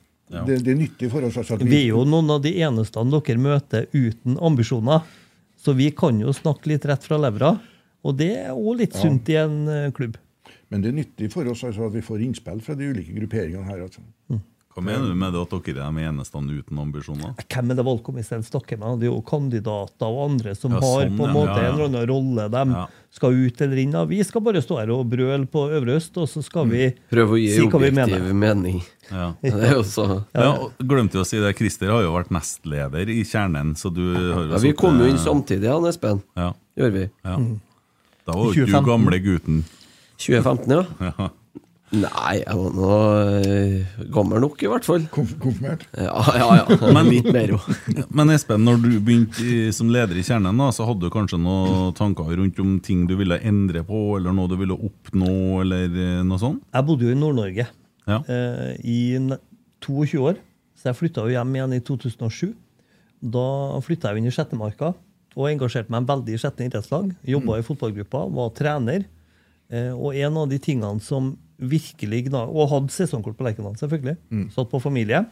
En av de tingene som virkelig Men hadde vært medlem av Kjernen siden slutten av 90-tallet. Jeg meldte meg inn i Rosenborg i 95, tror jeg. Meldte meg inn i Kjernen i 98 eller noe sånt. Jeg vet ikke om jeg betalte alle kontingenter, men eh, det er i hvert fall fordi Rosenborg har stått ganske sentralt. Så det her med dommerjævel, som gikk ofte en to-tre ganger hver enda kamp, når du så de herre tiåringene som hang over eh, med begge fuckfingrene opp i lufta og hateansikt, sant? og det, det merker du på aldersbestemt hva som er kult. Og det der ble en form for trend. Så jeg hadde jo egentlig bestemt meg i 2008 for å få bort dommerjævel i den formen det hadde. Og da var det en Jo som var forsanger. Og jeg holdt på å styre i ett og et halvt år, jeg, før det roa seg litt. Men det tok ett og et halvt år. Men da kom vi litt mer inn på Da fikk vi drøfta det ordentlig, da. Tok lang tid, men eh, det ble betydelig mindre. Og Jeg syns jeg hører det fortsatt. da. jo, men nå Nei, men kommer det det når det skal komme. Det er sjelden. Nå kommer det når det skal komme. Men jeg syns jo dommerne fra Molde er like artig. På Råstrand strand testimonial så fikk en Råår et straffespark han ikke skulle ha. Da sang vi 'Dommerne fra Trondheim'. Det er eneste gangen jeg har hørt på Lerkendal. Det var veldig bra. Ja. ja, nei, Dommerne fra Molde funker. Det er litt Det er i hvert fall litt snert, ja. Ja, så er det litt Det er mildere. Ja. Ja. Ja. Skal vi begynne å synge 'Dommerne fra Bodø' nå? Ja, det syns jeg kanskje Kan variere mellom dem. Vi, vi må vurdere det utover sesongen. da Nå kan det hende at det imploderer. Hørte jeg med 92 ansatte opp her nå. til. Det må gå godt. Vi hadde òg en del år vi rota med mye penger og styra fælt, så de kommer nok til å holde på en stund, dem òg, tror jeg. Jeg vet ikke. Jeg er ikke så spent på årsmøte, På årsmøtepapirene i Rosenborg lenger nå. Altså, vi fikk jo en litt innsyn i økonomien der nå. Jeg er jævlig spent på årsmøtepapirene oppi der. For dem skal jeg i hvert fall lese for å se hvordan det skal gå rundt. Det klarer ikke jeg å forstå. Nei da, men eh, jeg, jeg forsvarer en del av greia de gjør oppe her, og fordi at de satser. Eh, Ja, ja, de men det- det forstår jeg. Stort. Det forstår jeg. Og det er gutsy, men de skal i Champions League, de. Ja, ja. Og øh, nå henger vel ikke laget der sammen så veldig godt heller, eh, skjønner jeg sånn fotballmessig sett. Så de har det vel litt travelt, for det er vel torsdag i morgen. Ikke det? Jo. Og de skal vel ut i første europakampen sin da. Så, men ja, vi skal ikke, det her er ikke en Bodø-Glimt-pod. Men øh, hvem de spiller mot igjen? Nei, vi er, I morgen så heier vi på Polen. Utlandet. Det er Polen. Det er Polen, ja. Det er Polen i morgen. Ja, det er polsk riksdag i morgen. ja. ja. Men for å dra tilbake igjen, da. Ja, jeg, kom, jeg var på tur litt nå, vet du. Så var det jo sånn at jeg satt i valgkomiteen i Kjernen i 2015. Eh, og så sleit vi med å finne en lederkandidat, for da hadde Kenneth sagt at han ville gi seg. Og så endte det med at jeg tror det var en Jo som ringte meg og spurte om jeg kunne tenke meg. Så da trakk jeg meg fra valgkomiteen og stilte som lederkandidat. Og på, eh, på årsmøtet så sa jeg det at jeg kommer aldri til å synge 'Hate Moldeby'. Jeg kommer aldri til å synge eh, de her negative strofene, men jeg kommer til å forsvare dere andre sin rett til å gjøre det. Det var på en måte inngangen min. Og så tror jeg nok at hele gjengen i Kjernen, når de fikk inn meg som var litt mer voksen, eh, jobba med skole, hadde på en måte en annen eh, setting, at de tenkte de skulle få en eller annen idiot som skulle stå og forsvare dem, eller stå og få all kjeften i media. Og så hadde nok jeg en ambisjon om at kanskje Kjernen skulle bli litt mer folkelig og litt mer akseptert. å bli Stuerein. Litt mer stuerein. Ja. Bli en litt mer sånn ålreit del av miljøet rundt Rosenborg. da. Uten at vi nødvendigvis tenker å bli så mye annerledes, men folks oppfatning av oss skulle bli annerledes enn hva den var. Ja. Har du lyktes med det? Jeg tror vi har lyktes med det. Ja. Eh, satt du lenge i valgkomiteen? Det var vel et halvt år. Ja, Var du med og valgte kassererne som satt i Rosenborg? I kjernen? Nei, det var jeg ikke. Nei, For du fikk en sak i fanget ganske fort der. Ja, jeg fikk en sak i fanget som var ekstremt negativ. Ja, da var jeg jo der. Ja. Ja. Det var ganske heavy, de rundene vi gikk Ja, der. det var noen sene kvelder der. om- Men, men hvordan altså, øh, har jo vært opp noen ganger, men nå sitter vi og mimrer litt over en mulig avtroppende.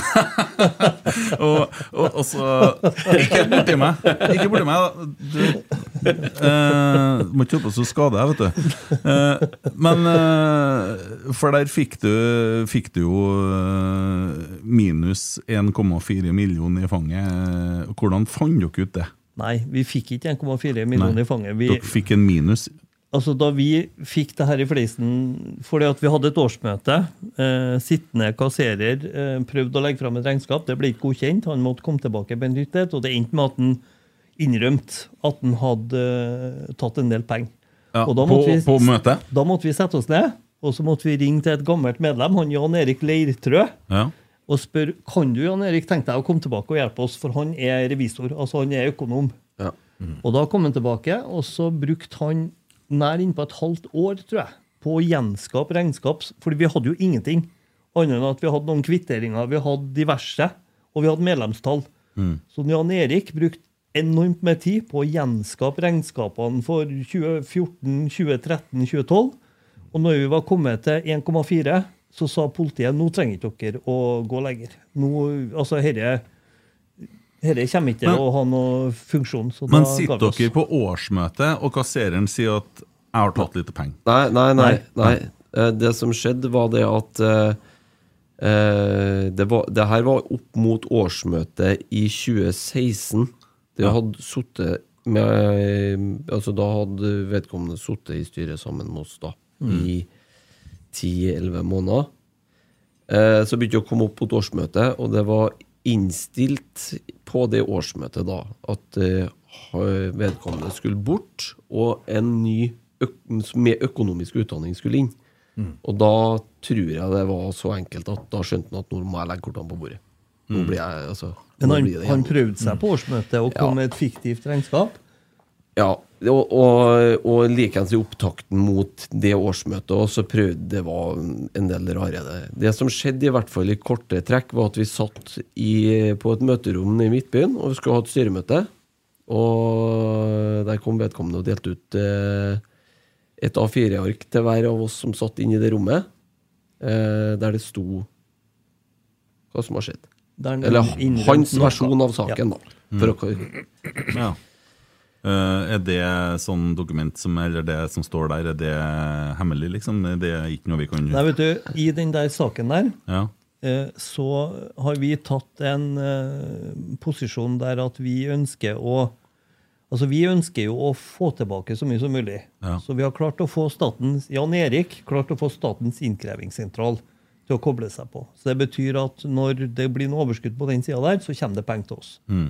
Så jeg tror vi har fått tilbake mellom 50 og 100 000 så langt. Ja. Jeg er veldig usikker på det oppdaterte tallet.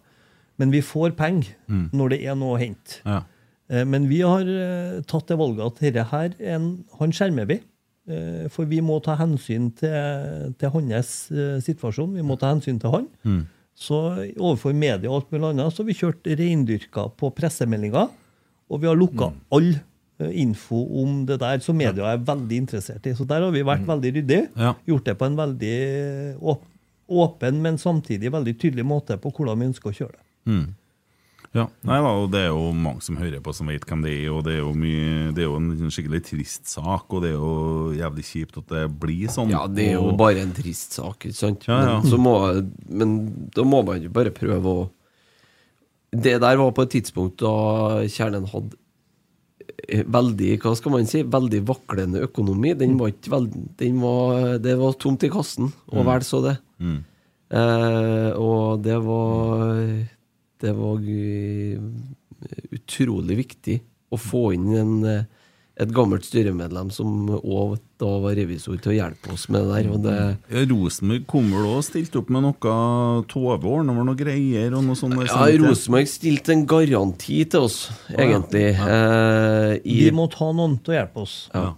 Og da gikk jeg til en Trond, som var org-sjef i Rosenborg, og spurte jeg kan vi få tilgang på dem som hjelper dere med økonomi og revisjon.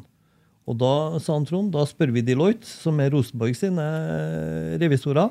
Ja. Og så garanterte de at hvis vi ikke klarte å gjøre opp for oss nå, så skulle de legge ut. Ja. Vi er en uavhengig org, Ja. Så vi vil jo ikke på en måte bli en del av Rosenborg, men vi trenger også hjelp av og til, og akkurat der trengte vi hjelp. Rosenborg stilte opp. Ja. Vi fikk hjelp av Deloitte. Jan Erik gjenskapt eh, regnskap. Deloitte sover så over, godkjent, revidert, gjorde jobben sin. Mm. Så vi fikk rydda egentlig veldig godt opp, og veldig takknemlige for den hjelpa vi fikk av Rosenborg. Men vi klarte å stå på beina sjøl. Rosenborg betalte aldri noe av det. Det klarte vi ja, det, det, er det er faktisk et viktig prinsipp for Ja. kjernen å, å, å få fram. At vi, men vi fikk en, eh, på en måte en muntlig lo, likviditetslovnad da, Mm. om at kjernen skal ikke gå dunken pga. det som har skjedd. Nei. Men så var det jo gjennom 2015 her, så var det jo en sånn økonomisk snuoperasjon. Eh, der vi hadde blant annet et par veldig, veldig godt arrangerte medlemsfester, eh, var det rett og slett. Ja. Store fester. Store fester som bidro til store inntekter. Eh, vi var heldige å komme til cupfinalen i 2015. Det, og det, da gjorde vi et bevisst valg den gangen at den må vi faktisk bruke som en inntektskilde for kjernen for å kunne starte da. Nei, unnskyld, i 2016. 2016. Ja. Og, og for å få, liksom, få nulla og få starta på nytt igjen. Når vi, så når vi starta året etter, da, så var vi eh, gjeldfrie, eller? Ja. Jeg var og kikka i årsmøtepapirene, og i, år, i beretninga for 2017, det året en Bentley kom til Rosenborg, da skrev jeg vi fikk endelig overskudd for første gang på lang tid. Ja. Det var i 2017. Ja. Det var en ganske god Ja, feeling. ja, var Men jeg, jeg syns jo det er en sånn trist sak her òg. For at, eh, nå var jeg med og spilte inn en pod i bortekamp med Ørjan Hopen for en stund siden, der han eh, forteller om livet sitt, og at han havner i uføre med spilling, og ender med at han sender folk til England på fake billetter og roter seg skikkelig opp i et sånt økonomisk uføre. da.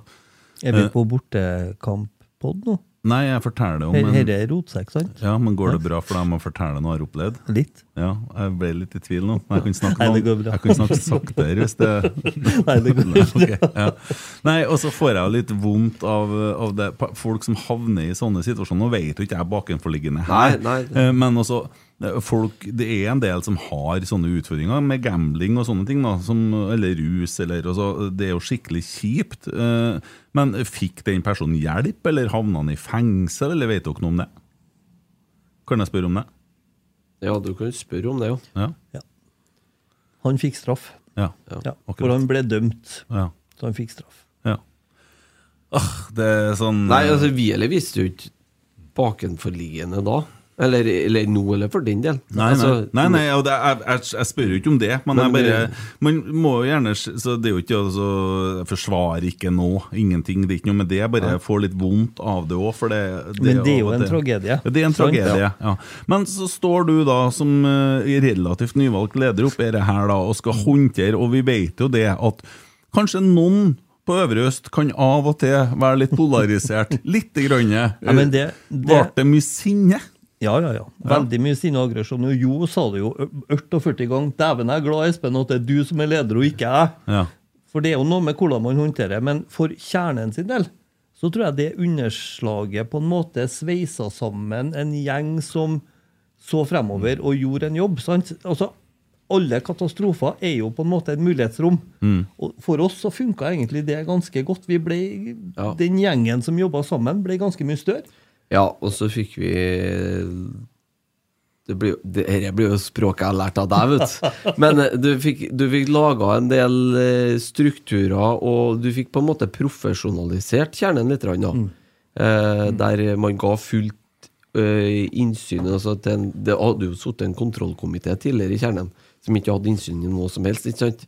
Men eh, nå eh, kjørte man egentlig et For vi gjorde unntakstilstand i Og det syns vi var, selv var en god idé på det tidspunktet. Men at vi kjørte et åpent, utvida styre, der vi tok med kontrollkomité og valgkomité egentlig på styremøtene for å hjelpe til. Vi var tolv stykker, tror jeg. på Ja, var noe sånt, tror jeg. Mm. Eh, og så fikk på plass eh, regnskap, fikk på plass eh, Kjørte revisjoner av eh, alle årsregnskap. eh, Fikk innsyn på plass. Ja. Så det, kjernen ble nok litt mer profesjonalisert da, etterpå. Ja, ja. Så at det skulle ikke være mulig at den smellen der skjer en gang til. Nei, nei, nei. Men uansett, da, så sitter dere som leder og nestleder om å samle dette riket her, og dere skal på en måte styre denne skuta. Og så er det jo viktig at eh, For det her, som vi forstår, da, så er man enige om en strategi på hvordan man skal gjøre det i forhold til den situasjonen man var i òg. Og du snakker om å verne om eh, den personen som har begått det straffbare handlinga. For meg var jo det skitviktig. Ja. Men altså, pri én var jo å få rydda opp og ordna opp og Ja. fått laga en struktur som gjorde at dette her kom til å flyte. Mm. Eh, punkt to er jo å verne han som havner i uføre. Eh, Og punkt tre er jo å se alle mulighetene som dukker opp. Så det, mm, pluss i tillegg så har jo det her hjulpet oss å få til kanskje et bedre samarbeid med Rosenborg. Altså Da jeg kom inn som leder i Kjernen i 2015, så ugla folk meg når jeg var på brakka og snakka med Tove. For hva i all verden skulle jeg der og snakke med hun om? Altså det, det hang på en måte en sånn aim over at dette, der har ikke noe å gjøre. Men sannheten er jo at vi er jo nødt til å snakke med klubben for å vite hva, hva det er som skjer. Vi kan ikke lese i adressa hva Rosenborg gjør. Vi må snakke med Rosenborg om hva Rosenborg gjør. Men vi må jo klare å gå inn på brakka uten å bli klakkører. Vi må jo gå inn som dem vi er, og så må vi gå ut igjen som dem vi er, men med litt mer kunnskap. Så det, det opplever jeg egentlig har blitt ganske mye bedre, for nå er det vanvittig mange hos oss som har ganske mange relasjoner med Rosenborg, og det tror jeg er kjempepositivt. Artig at du nevner adressa der. Jeg har fått med nye tallene til Nidaros. jeg bare spør. Ryan Reynolds here from Mint Mobile. With the price of just about everything going up during inflation, we thought we'd bring our prices down. So to help us, we brought in a reverse auctioneer, which is apparently a thing. Mint Mobile unlimited premium wireless. Ready to get 30, 30, bit to get 30, bit to get 20, 20, 20, bit to get 20, 20, bit to get 15, 15, 15, 15 just 15 bucks a month. So, Give it a try at mintmobile.com slash switch. $45 upfront for three months plus taxes and fees. Promo rate for new customers for limited time. Unlimited more than 40 gigabytes per month. Slows. Full terms at mintmobile.com. Nei. Nei, Ta, men, ta dem, da. eh, de har hatt en økning eh, på lesere på 28,9 Eh, Den avisa i Amedia som har størst økning. Mm. Kommet til fryktelig mye lesere. Veldig oppsving. Eh, Rotsekkeffekten. Jeg kaller det det. Ja, ja, ja. I all beskjedenhet så kaller jeg det det. Ja. Og det er jo Rotsekkavisa Nidaros, eh, så når du sier Hvis du syns det blir varmt eh, inni her, Skjalg, så må du bare ta av deg jakken. Du sier, hvis du trenger ikke lese i adressa. Nei, du trenger ikke, du kan lese det i Nidaros òg. Ja. Nei da, men eh, det er all honnør til de guttene der òg, fordi at eh, de står på. Og har fått seg en ny journalist, Eirik Evensen. Fantastisk fyr. Eh, Jeg er litt opptatt av det, fordi at eh, det forsvant. Eh, Godkar. Eh, Dessverre for han, så er han nordlending. Uh, Simen. Og flytta hjem til Bodø og ble redaktør i Bodø NU. Marius ringte meg forleden for å spørre om herre reportasjen han skulle lage til Nidaros. og da kunne han jo si det, at uh, en Bodø-Glimt-supporter var sendt ut døra, en Rosenborg-supporter var kommet inn døra. Ja, men, og det er fakta. Ja, og er Erik bra. Evensen er en uh, klok, uh, ung herremann med fint kledd. Ja, det er viktig. Og, og han har hjerte for Rosenborg, Mm. og er i skarp penn. Så det, det gagner Mm. klubben godt, for det, det er jeg litt opptatt av. Første gang jeg møtte Ivar Koteng, da var jeg ned på kontoret hans den gangen og holdt til på Solsiden. Og da skulle vi snakke med TV 2. Og da kommer jeg, og da kommer jeg fra jobb. Så har jeg dressjakke og skjerf. Og så kommer jo han i flipflapper og hvit T-skjorte. sant? Så kikker han på meg inni heisen der vi står med TV 2 liksom bak, og sier han, du er litt av en jålebukk, du. Sånn. og da, da mente TV 2 det første gangen i historien at de har opplevd at en eh, styreleder i en eliteserieklubb kaller supporterlederen for jålebukk. Ja. Det er veldig artig. Ja. Hvorfor går du i T-skjorte, du, da? Sånn til meg. Når jeg spurte om T-skjorta. Nei, jeg liker det best. Ja, gjør jeg òg det? Skal ikke jeg få gå komfortabelt, jeg, da? For da må jeg ha mye penger. Må jeg uniformere meg, da? Men jeg, jeg lurer litt på Du som har sittet eh, litt på sida her, da, og, og kanskje fulgt med litt på hva som har rørt seg i kjernen. Eh, Hva er, hva er inntrykket ditt, eller har du noe inntrykk av kjernen, egentlig? Ja, det har jeg jo. Det, det som er mest positivt, det er faktisk det de bidrar med på kamp. Det er jo fantastisk å være på Lerkendal. Ja, Det er fint at du drar fram det, i hvert Og det også er det en annen ting, og det er at nesten mer imponerende er hva de gjør på bortebane. Altså, Du hører jo faktisk kjernen over hjemmepublikum omtrent på alle stadioner når du ser kamp på TV. Det er jo fantastisk. Og så er det jo sikkert ting man eh, har gjort som man er uenig i, som eh, Espen sa. Ja, jo Hvis Men, eh, Rosenborg planlegger en treningsleir til et uh, spesielt land, så kan det hende at noen fra kjernen bestemmer seg for at nei, det skal ikke skje med min klubb. Og da er de jo ganske viktige, syns jeg. Ja, kanskje om ikke avgjørende, så i hvert fall så Ja, de, de var viktige. Og, og det er viktig på en måte å ta sånne verdidebatter også. Vi hadde, Da Rosenborg tenker å reise til Dubai, så var det noen Stig Inge hadde foreslått på høsten.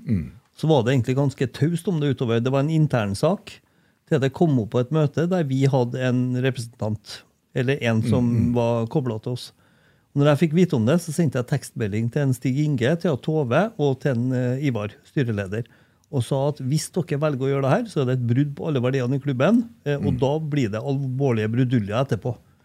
Eh, Da sjekka de ut med andre aktører, med veteranlauget, med sponsorer, med alle.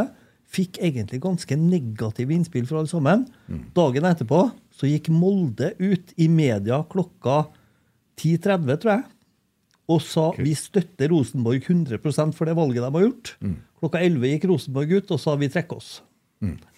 Vanvittig bra regi. altså. Øystein Næland satt i VG og ga full støtte til Rosenborg for å reise til Dubai. Det var artig. Ja, Synd at ingen brydde seg om Bodø-Glimt, for da hadde det rukket å komme en støtteordning derifra. Som drev og reise i Ja, i dag hadde det vært koronatida. det. Ja, ja. De... Men den gangen var det annerledes. Ja. Bodø-Glimt hadde ikke kommet til å sagt noe sånt. Det tror jeg egentlig ikke de har gjort. Yes, de reiste jo og tok en koronatur i fjor, og gir seg da faen, trena i koronatida. Og, og, det, og det må jeg bare si, jeg havna i en liten disput på Twitter. Jeg or- orker ikke å fullføre sånne diskusjoner som jeg havna i. Jeg bare stikker litt, i og så bare forsvinner jeg. Så lar jeg andre sitte og koke, ikke sant? Ja. Eh, men de driver da og plager folk som ligger langt under seg på tabben. Kan ikke de bare holde seg til dem som ligger i nærheten? Det gjør da vi. Vi herser mest med Bodø-Glimt, og så herser vi litt med Molde nå. Vi bryr oss ikke, vi driver ikke og plager Sandefjord. Vi gjør jo ikke det. Vi driter jo i dem, liksom. Eller Viking. Men de driver så Tromsø La nå Tromsø være. Ja, men det er jo rivalene deres, da. Nei, la Tromsø være nå. Det, Tromsø er bra, det. Nå viser du litt lite innsikt, ja, Kent. Nå ble jeg skeptisk. Jeg vet at det er en banter mellom Bodø-Glimt og, Og det har det vært i mange år. Jeg er fullstendig klar over det. Ja. Men jeg kan la dem være litt nå. Når, når de har kommet seg oppå der. Det er bra du er storsinna. Ja, det er det. Ja, det er bra. det. Ta oss. Vi vil ha det. Ta han som kommer rett til meg. Han er mye større og sterkere enn meg. Ja, eh, hvor har vi kommet hen? Du holder på Vi var i Dubai.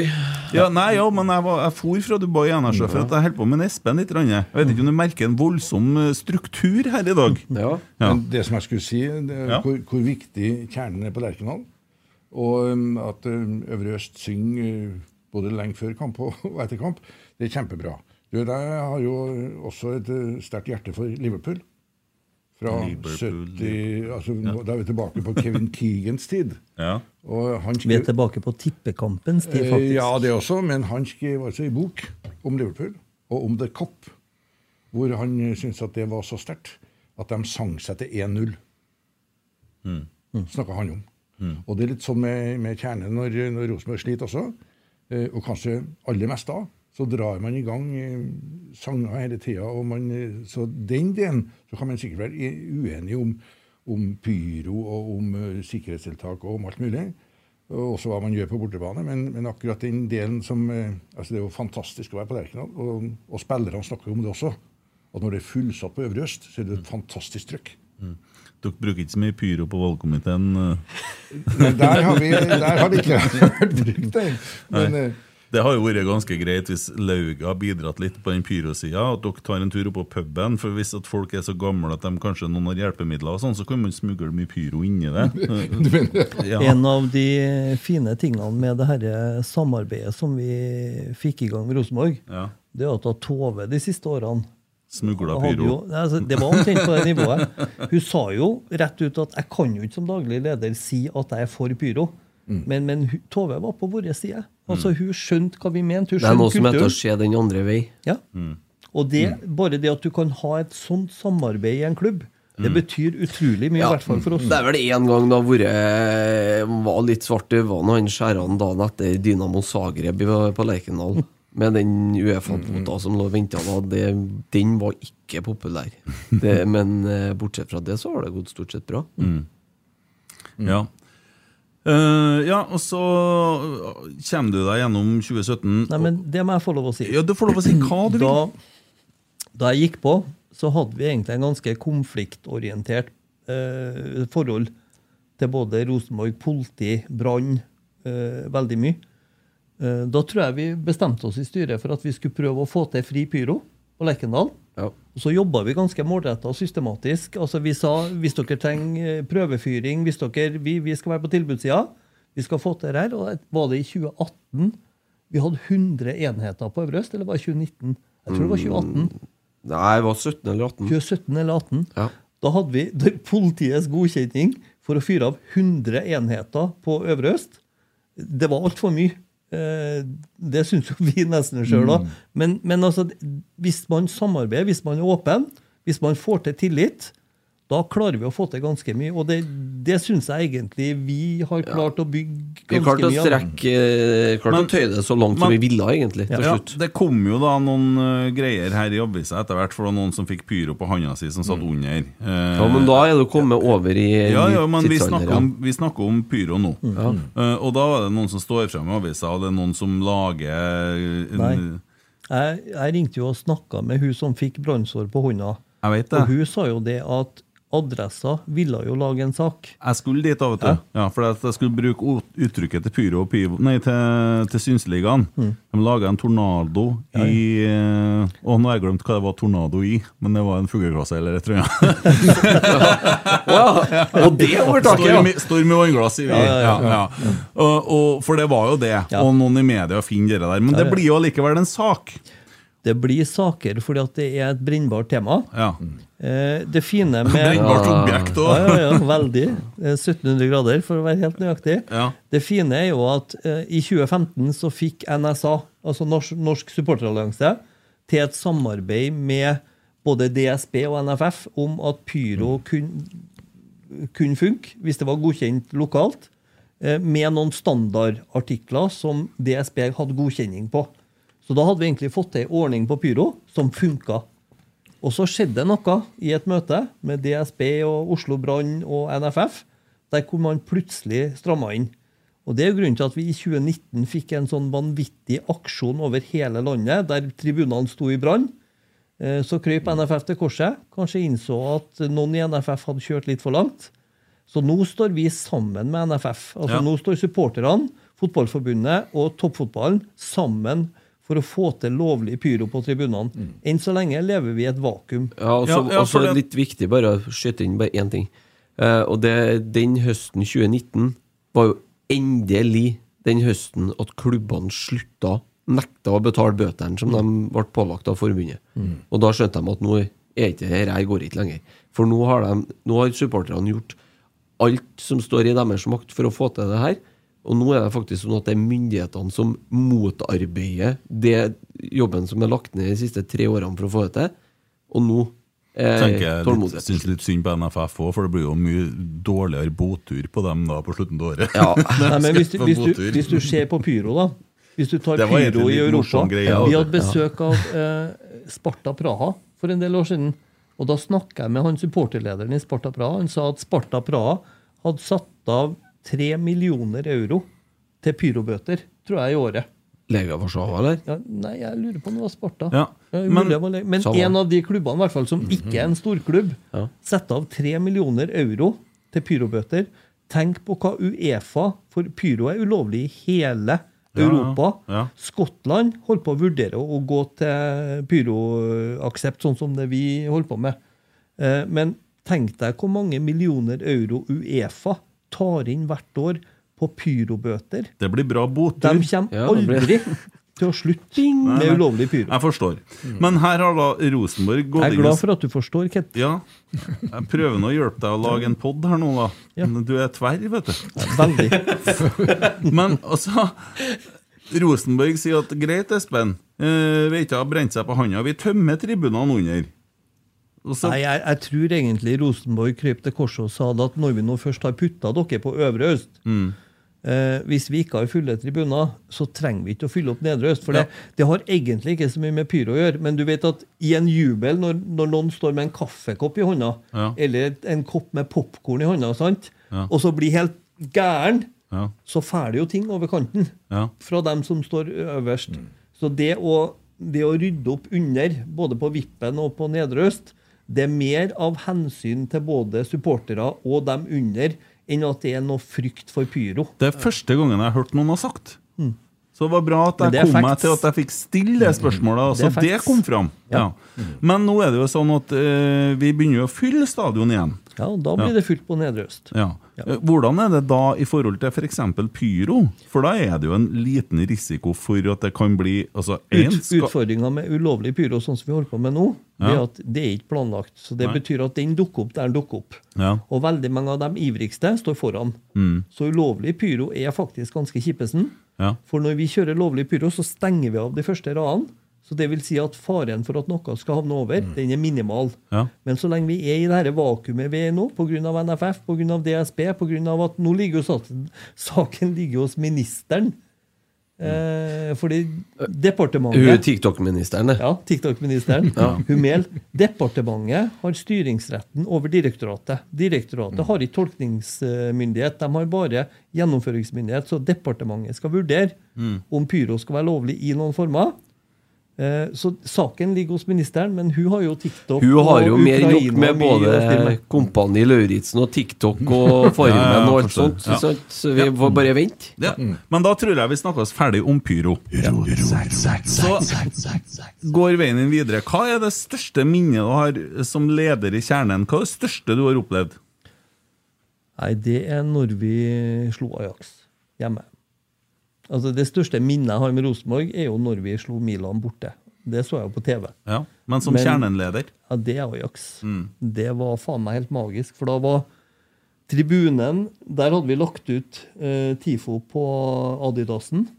Der var det svart og hvitt eh, ark. Altså, det var, det var megastilig før kampen.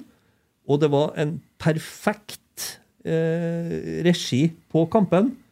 Jeg sto der på Øvre, og selv om de gikk opp i ledelsen, jeg visste at vi kom til å vinne. Det var helt magisk. Ja, det var skikkelig bra. Og den matches nesten av bortekampen mot Bodø-Glimt i fjor. Ja. Der hvor vi etter å ha spilt den verste preseason ever, reiser opp til Bodø. Vi står der og hutrer på en tribune. Det er, pig, det er mye styr. Vaktene og politiet er jo nesten på grensa til kriminell. Altså, De er så negative. De har de jo bytta ut nå. Ja. Eh, og så spiller vi fader ut av meg 2-2. Skårer et praktmål. Eh, det er åtte det. Ja, det, det som husker jeg. ligger under. Ja. Ja. Ja. Eh, en Skjalg sitt beste minne, sånn kamp. Nei, du vet, det er jo um, det er jo, altså, På 90-tallet så sto høydepunktene i kø.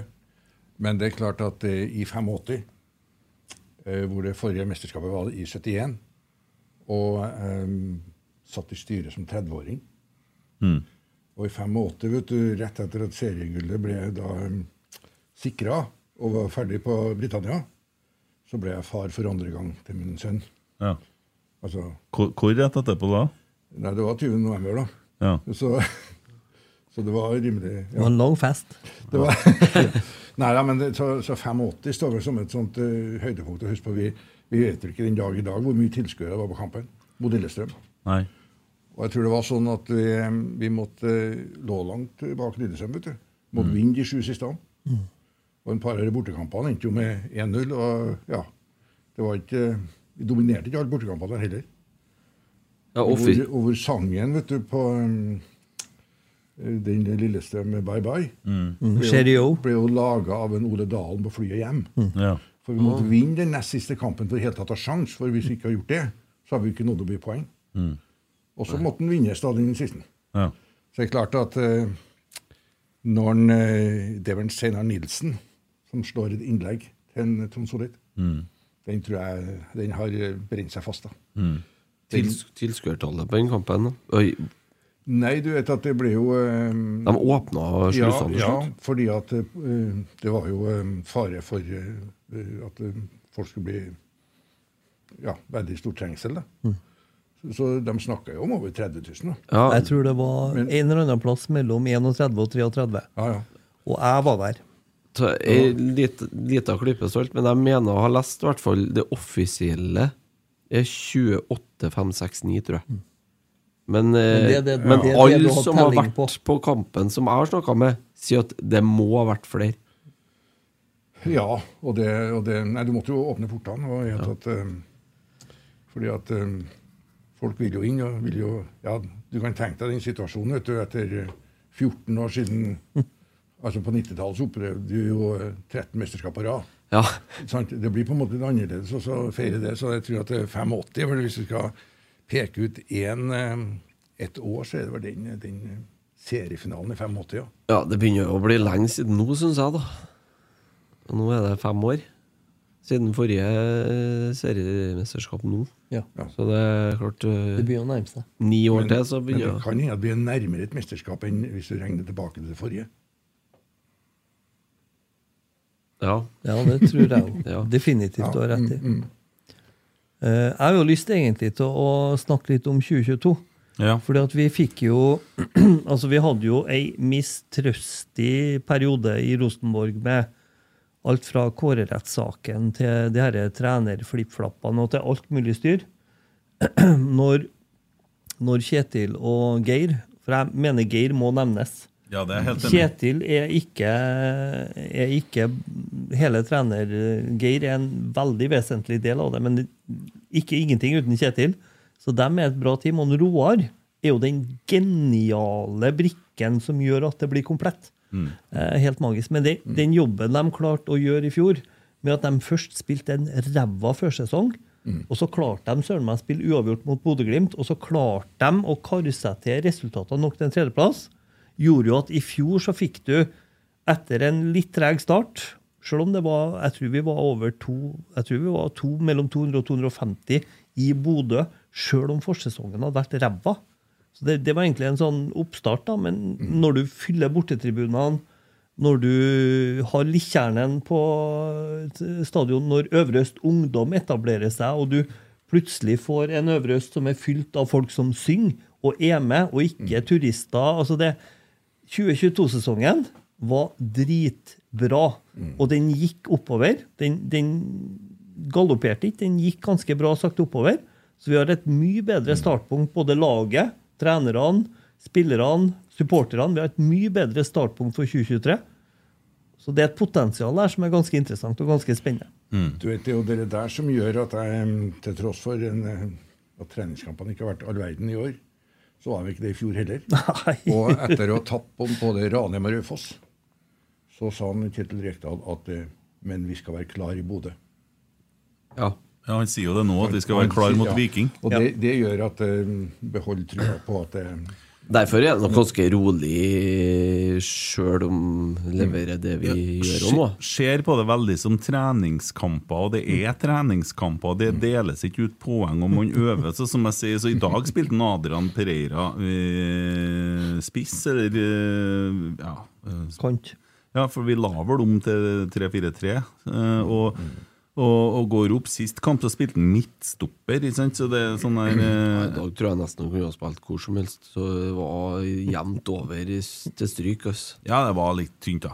Eh, Men eh, i forlengelse av det du sier, Espen, og det vi snakka om i stad, det er jo faktisk nå vi snakker, Nå er vi i midten på februar. Solgt 6411 sesongkort, meldt Rosenborg her i går. Hva for noe. Ja. Uh, Snakka litt med Tore om det òg. Gjetter på hvor mye vi klarer å selge før sesongen er i gang. Hva tror du? Nei, jeg tror vi kommer uh, fort opp i 9000. 9000? Enn en salg, hva sier du? Nei, det, det er jo vanskelig altså, Det som, eh, som eh, administrasjonen da, og, og ledelsen skal ha ros for, det er at de har jo faktisk eh, langt flere billetttyper. Jeg tror det her med å selge for 500 kroner til ungdom er et kjempeskup. Eh, det at de nå har Jeg har jo det som heter supportergull, gull, som eh, brutto koster 5200. Og, men jeg og mange med meg har vært så smart å kjøpe før jul, og da får du på en måte 500 kroner billigere. Men nå har de altså de samme billettene, en kategori for honnør, altså som pensjonister, hvor de får kjøpt samme billetten for 3005. Altså mye større differensiering på billettene gjør at du, du trekker flere folk, og selv med sesongkort. Og jeg tror at det er et poeng i seg sjøl å få folk på stadion. Ja, det er viktig å Eh, få og, og, med og ikke bare tenk på at, eh, at du da taper noen kroner, kan du si. Nei. nei. Men, Men Hvis at de da bruker kondisjonsalder til å legge til grunn for honnør, så kan jeg, kan jeg komme godt ut av det. Men, men jeg har lyst til å skryte av dere, Kent. Ja. Fordi at i 2022 så hengte vi opp den nye TIFO-riggen. Altså den nye riggen der vi henger opp alle store bannere som eh, skal pryde Lerkendal før kamp. Og der bidro jo Rotsekk veldig. eh, 200 000 til en rigg som kanskje endte på 650. Vanvittig sterkt gjort. Og så har jeg også lyst til å skryte av dere for at eh, altså Jeg er jo litt kritisk innimellom til adressa. For jeg syns de har en form for negativ agenda når de begynner å snakke om Rosenborg. Det er jo noe med typene de bruker, det er noe med rammene de legger rundt det. Så de klarer nesten å få gladnyheter til å bli sånn halvlunken.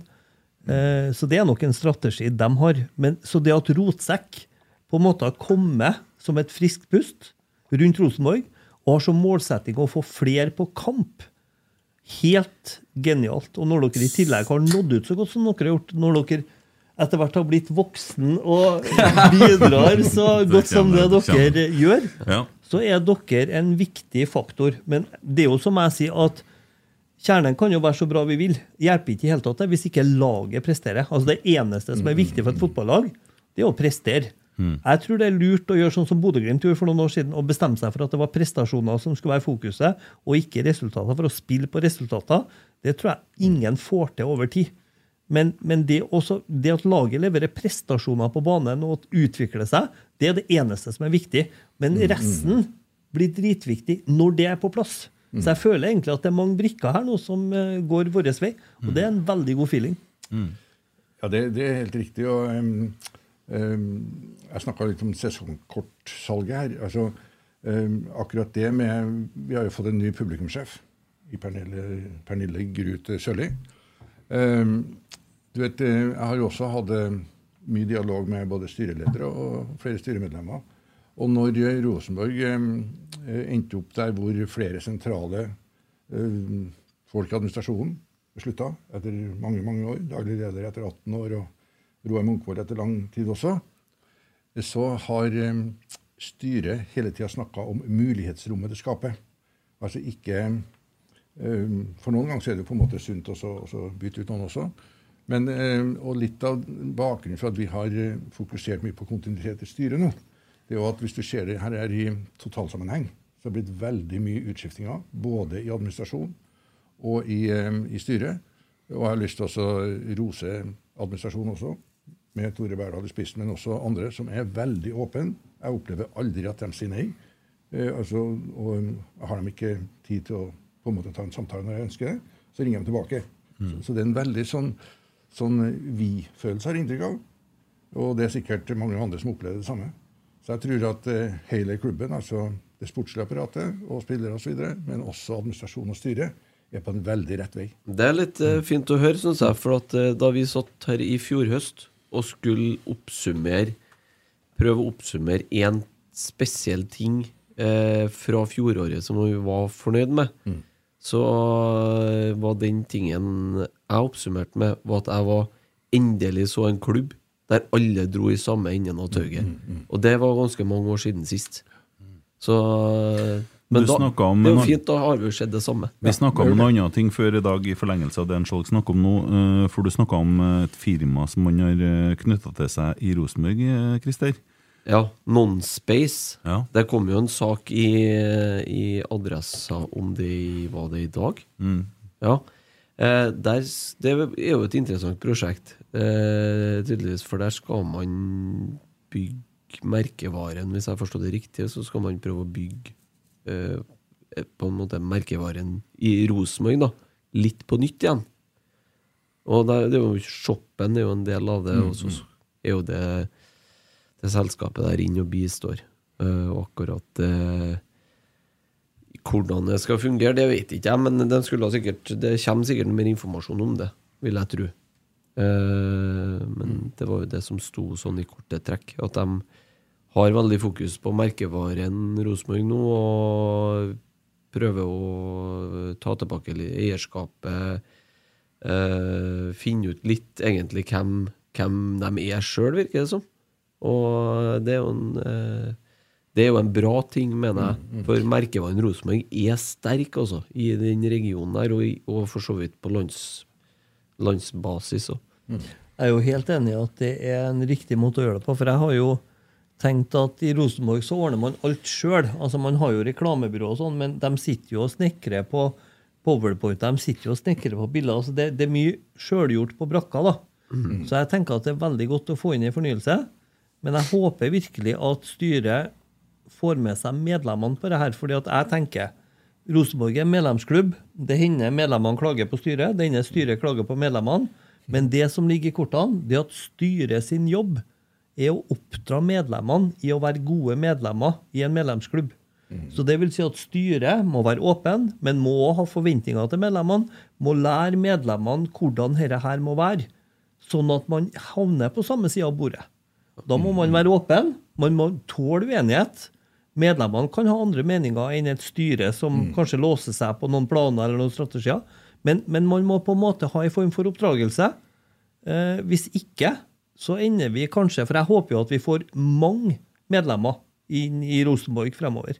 Og da er det kjempeviktig, for veteranlauget går noen sine veier, kjernen går noen sine veier. Men når du øker massen av medlemmer i Rosenborg fordi folk har lyst til å være med, da må du ha en form for oppdragelse, og det er det bare styret som kan gjøre. Og det må de gjøre gjennom medlemsmøter, gjennom påvirkning, sånn at folk skjønner hva de er med på, og får lyst til å være med på, det, på den reisa, så vi kan dra i samme retning. Men mitt inntrykk nå er at vi er mye mer sånn at lederne i klubben går og drar sammen med medlemmene. Og det er ikke sånn at det er altså, Jeg, jeg syns ikke det er forskjell på Trygve Hernes Skjalg eller eh, deg eller eh, Cecilie eller en Du Ivan skulle til å peke på meg nå, men du gjorde ikke det. jeg, jeg, jeg syns ikke at det er noen forskjell på hvor folk, eh, altså, hva, hva man gjør. For folk gjør forskjellige funksjoner i klubben. Sant? Ja, men nå misforstår du hva jeg sa. Ja, for jeg- at jeg, jeg sier når du, når du hyrer inn et firma Ja. som driver med Ja, ja, ja. så er det så fort gjort å glemme medlemmene. Mm. Men de er faktisk nødt til å være med på den reisa for at dette skal henge sammen. Ja, men dem er vel tanken at de skal være med på det her? Ja, det tror jeg helt sikkert er. Men, og Poenget mitt er at nå virker det som at det er mye mer homogent, og det er ikke noe sånn Det, det, det er liksom flat struktur på en måte, sånn i følelsen her av folk. Så, så Vi har ledere, vi har sånn, men jeg, jeg syns alle virker så omgjengelige, og litt det du snakker om òg. Det, det er jo bare å så, Vi er en Heis klubb. Ja. Så det, det er veldig godt, ja. Men det er jo Der må jo valgkomiteen få honnør for det at man har klart å få inn folk i styret som klarer å gjenbygge en form for fellesskap, eh, som kanskje har forvitra litt over tid, eh, som er helt nødvendig for at vi skal klare å få den krafta riktig vei. Og det, Der syns jeg valgkomiteen har gjort mange kloke valg med folk som har kommet inn. Og mange kloke valg med det man signaliserer på hvilke egenskaper man går etter på styreleder. Og hvilke egenskaper man går etter. Og Dette er ikke noe, her er ikke noe dissing av en Ivar. Ivar har vært en fantastisk bra styreleder. Og så er det noe med at når du har hatt en sterk mann og en tydelig mann som på en måte har hatt sin måte å gjøre det på, så det er utrolig fint å få reorganisert med en styreleder som, som gjør ting på en annen måte. Og der er Cecilie utrolig dyktig. Det du sier, Espen, at en leder bør ikke sitte i ti år, altså. Nei, bør sitte i åtte. Lenge amerikanske presidenter kan si da. Det er åtte. Ja, riktig. Og det er ikke alltid bare bra, det heller. Nei, det er unntak der. Men det er klart at vi i fjor eh, Jeg takker jo for, eh, for rosen. Vi, vi er jo ikke større enn at vi tåler, tåler mye av det. Men vi jobba veldig strukturert for å få på plass det her. En ting er jo på en måte få ulike kompetanseområder dekka. Men vi satt jo i fjor med tre kandidater eh, som potensielt kunne ha vært styreledere. Tenker du på en Tore òg, da? eller? Eh, Jeg sa ikke noe navn, da. Nei. Um, og da utfordrer jeg dem på det, både på en 100-dagersplan. Hva vil du gjøre som styreleder hvis, uh, i løpet av dine første 100 dager? Og vi utfordrer dem på hva som var de viktigste kampene. Altså hva var de viktigste tingene å, å gripe fatt i. Og vi, um, vi hadde en kompetanse, en eh, referansesjekk og alt mulig. Så jeg tror vi Det er omtrent som å ansette folk det her. At eh, bommer du på det, så, så går det ikke bra. Så at, eh, vi jobber jeg, jeg tror Skal vi finne et fellesnevner for valgkomiteen, i hvert fall den som jeg har sittet i, da, så har det vært grundighet. Og, og, og strukturer, og, og gjør, gjør jobben skikkelig. Og dere spiller i 4-3-3, har jeg skjønt. Ja, det Men vi er tilpasningsdyktige, da. Jeg ville ha sagt, jeg ville ha sagt 3-5-2. jeg. Nei da, men vi, vi jobba eh, grundig, og, det, og vi har fått eh, mye ros for den jobben vi gjorde. Og vi ser jo nå, når, har, når vi har hatt en ny runde med dem, at, at det har blitt veldig bra med hvor de tenker i team og, og tenker sammen. Og um, mye av det som vi diskuterte i, med dem i fjor, det har på en måte blitt eh, videreført. Ja, du, har, du har vært der i tre år, du nå. Det er tredje året nå, ja. Ja. Mm. Og du, du er på valg neste år. Eh, Nei, eh, ja, men da har jeg da sittet lovens bestemmelse om fire år. Ja. Så da er det siste året. Men jeg ble valgt for to år i fjor. Ja, ja unnskyld. Ja, altså, det er siste året ditt nå? Nei, neste år. Neste år. Ja. Hos, eh, Det ble mye hoderegning her nå. Nei, det da ble det begynt å bli Ja, ja, ja, ja. Ja, mm. så, så da er det mm, så I valgkomiteen, som den eneste organet som vi velger til, så er det en begrensning i funksjonstid. Det er det ikke styrer og ikke konsoliderer. Nei, det er jeg klar over. Så, så, det, nei, så når han har sittet i fire år, så mm, Og det er kanskje greit, og det. Så, Ja, burde det kanskje ha vært det i styret òg? Det er vanskelig å si. vet du. Eh, det er jo en atskillig større jobb, og du trenger litt tid til å bli kjent både med styret du går inn i, og administrasjon og klubben og alt det her. Så um, vi har jo ikke hatt noen bestemmelse for, for begrensning i funksjonstid, så i prinsippet kan du jo sitte evig. Men du, nå, du har jo tydeligvis da vært med og strukturert opp litt i valgkomiteen. da. Er det lette, Jobber dere mer altså Er det for, enklere å sitte i valgkomiteen nå enn det var i, for to år siden?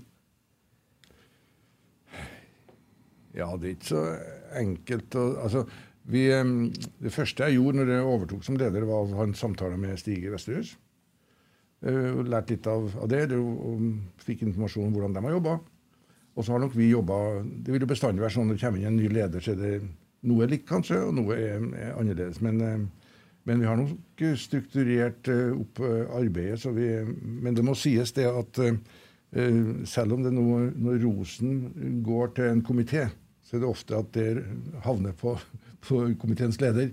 Men jeg har i alle tre årene Vi har bytta ut litt folk, men det har vært utrolig dyktige folk som har sittet i valgkomiteen også. Sånn at det, og vi har i alle tre årene så har vi faktisk eh, havna på en, en samstemt innstilling. Til tross for at det er bestandig en sånn valgkomité, så det er ulike meninger og ulike vektinger og alt det her. Sånn at man er jo ikke enig fra dag én av. Men vi har tilnærma oss uh, det her sånn at vi har uh, vært veldig klar på at det var viktig at vi skulle um, gi et entydig råd til, til årsmøtet. Mm. Hvor du skal uh, begynne med nå, Espen? Når du ikke har i kjernen å føre til?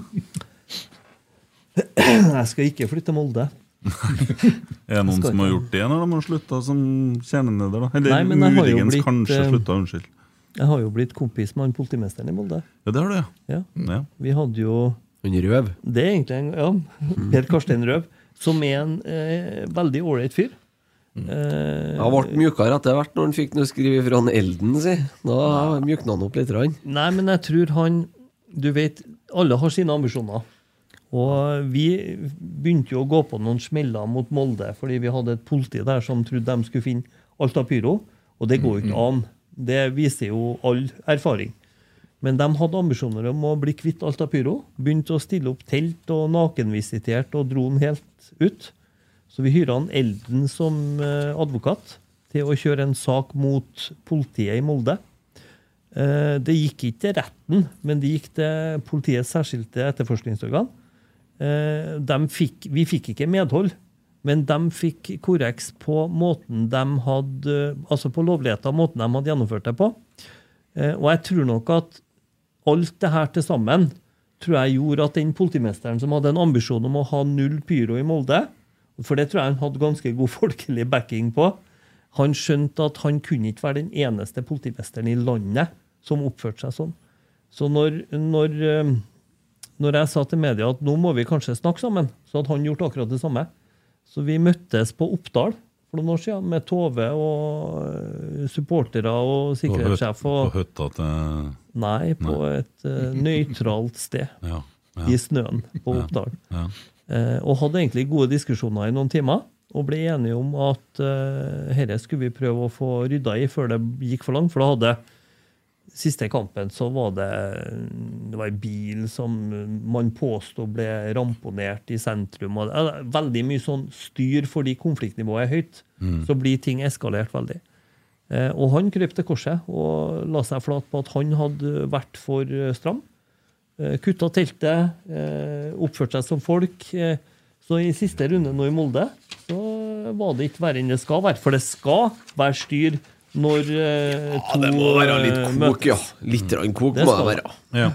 Nei, Jeg var jo her i fjor, jeg. Det var ikke noe problem eh, sånn i hele tatt. Ser da bare snill ut òg, du, da. Ja, ja. Men jeg har sett deg på den andre sida. Ja. Eh, det er en ting til ja, som vi ikke har snakka om, som eh, heter kontrollutvalg. Eh, hvor bra du bytta lappe her nå, Skjalg. Eh, for eh, det har blitt kalt kontrollkomité og kontrollutvalg. Uh, to forskjellige navn på det. Uh, Skifta nettopp. Ja, på siste årsmøte. Ja. Ja. Eh, hva gjør egentlig kontrollutvalget?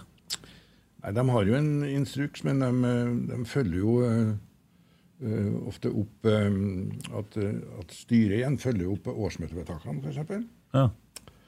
Og ellers at de eh, eh, håndterer økonomi og, og ja, andre områder på en grei måte i forhold til, til lovverk. Um, og så Nå har vi snakka mye om, om både valgkomité og, og styret, men jeg har lyst til å trekke fram eh, kontrollutvalget. Det, det er viktig. Um, og det Jeg skal jo si litt mer om, om eh, dem på, på årsmøtet. fordi på på medlemsmøtet så ble jeg kanskje fokusert rundt det med styret, og dem kjenner vi godt. Eh, men det, er jo mye kompetanse der som går både på, på juss og sportslig og, og økonomisk kompetanse her, da. Eh, som du ser, så er det jo Siri, Siri Merete Rønning som er innstilt som leder. Tor Robert Hansen kjenner vi jo. Rykker opp fra en varaposisjon til, eh, til ordinært medlem. Også Andreas Dahl Frøseth, han som kom inn fra Rosenborg Kvinner, er nå ikke på valg. Merete Myklebust, husker vi. Kommer fra Rosenborg Kvinner-miljøet og Trondheimsøren. Eh, jobber i bank. Og så har du Elin Brønnseid, da. Som har jobba i valgkomiteen faktisk i Rosenborg tidligere.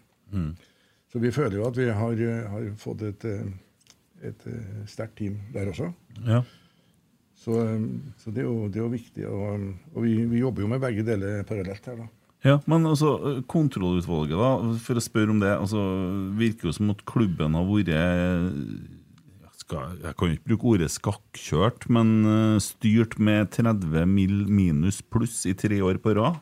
Er det der man da skal gå inn og si at her er det noe som er feil? Altså, Jeg kjenner jo ikke til hva, hvordan de jobber. Nei. Fordi at når vi har hatt samtaler med dem, så har på en måte vært på sånn overordna nivå. Og, og, men for eksempel, vi så jo på um, i årsmøtedokumentene i fjor alle disse forslagene som fremmes fra medlemmer. De går gjennom kontrollutvalget før årsmøtet. Ja. Um, og, og lederen her er jo, er jo, har jo juridisk kompetanse. Men så altså, ja, men vi snakker Jeg oppfatta jo den, eh, det som skjedde på årsmøtet i fjor, rett og slett som en protest fra medlemmene mot styret og den kontrollkomiteen som hadde sittet her. For man eh, Det var ganske mange forskjellige, og det var et veldig vidt spenn på sakene i tillegg. Og man oppfatter at eh, de altså at her er det flere som har sovet på samme vakta. Så Ja. det var sånn jeg oppfatta det. Og det forelå jo et konkret mistillitsforslag mot, eh, mot kontrollkomiteen kontrollkomiteen da. Sånn at eh, det var jo en del ting som i hvert fall i medlemsmassen eh, og, og de fikk ganske mange stemmer på årsmøtet, selv om det forslaget falt. Ja. Så var det på en måte mm, kanskje større oppslutning om det mistillitsforslaget enn hva mange trodde. Ja. Mm. og det vet jeg jo at, eh, at den sittende komité har jo faktisk hatt en gjennomgang av. Men det er jo bra. Ja. Mm. Så jeg føler jo at uh, vi har hatt en samtale med dem, og de, det virker som de jobber veldig strukturert, og de har møter, og de har eh, Og når de ikke kunne møtes fysisk, så møtes de eh, digitalt. Ja. Så, Det er jo muligheter for- de for det. Så, Ja. Men det er, et, det er et viktig organ. Ja. Men det er helt berettiget det du spør om, da, syns jeg i hvert fall. Ja. Eh, fordi at det, det har jo vært såpass mye i de siste årene, så mye støy. Det skal jo i utgangspunktet ikke være 13 innkomne forslag på et årsmøte, og så mye hulumøy og støy som det har vært nå. Og eh, jo få inn ledere i valgkomiteen halv ett om natta, og det, er liksom, det har vært bra med kok. Ja, ja. Så det, det, jeg tror Rosenborg er litt mer harmoni. Det, det, det passer seg litt bedre, altså, tross alt. Ja, vi må tro vi får til det. Få samla alle i samme båten igjen og ro i samme retning. Og at vi slutter å slå hull i båten fra innsida. Ja, vi må faktisk eh, Og det tror jeg jo. altså Spillerne må jo skjønne at de må blø for drakta. Trenerne må skjønne at de må spille artig og angrepsstilig fotball. Eh, supporterne må skjønne at de faktisk er supportere for et lag. Og da må du eh, støtte laget. Nå syns jeg på Øvre Øst har vi vært flinke å støtte laget. Selv om vi har ligget under, så har det vært bra trøkk.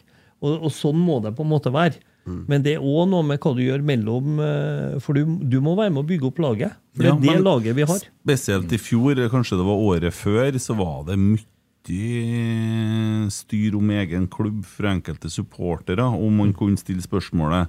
Eh, Kjernen har jo sagt at man skal være kritisk til Rosenborg. Ja, Det står i vedtekten. Ja. Men er det noen da som har misforstått det og tenkt at man skal være negativ til Nei. Rosenborg uansett vær? Nei, Jeg tror nok noen trøndere uh, har veldig gode gener for å være generelt negativ.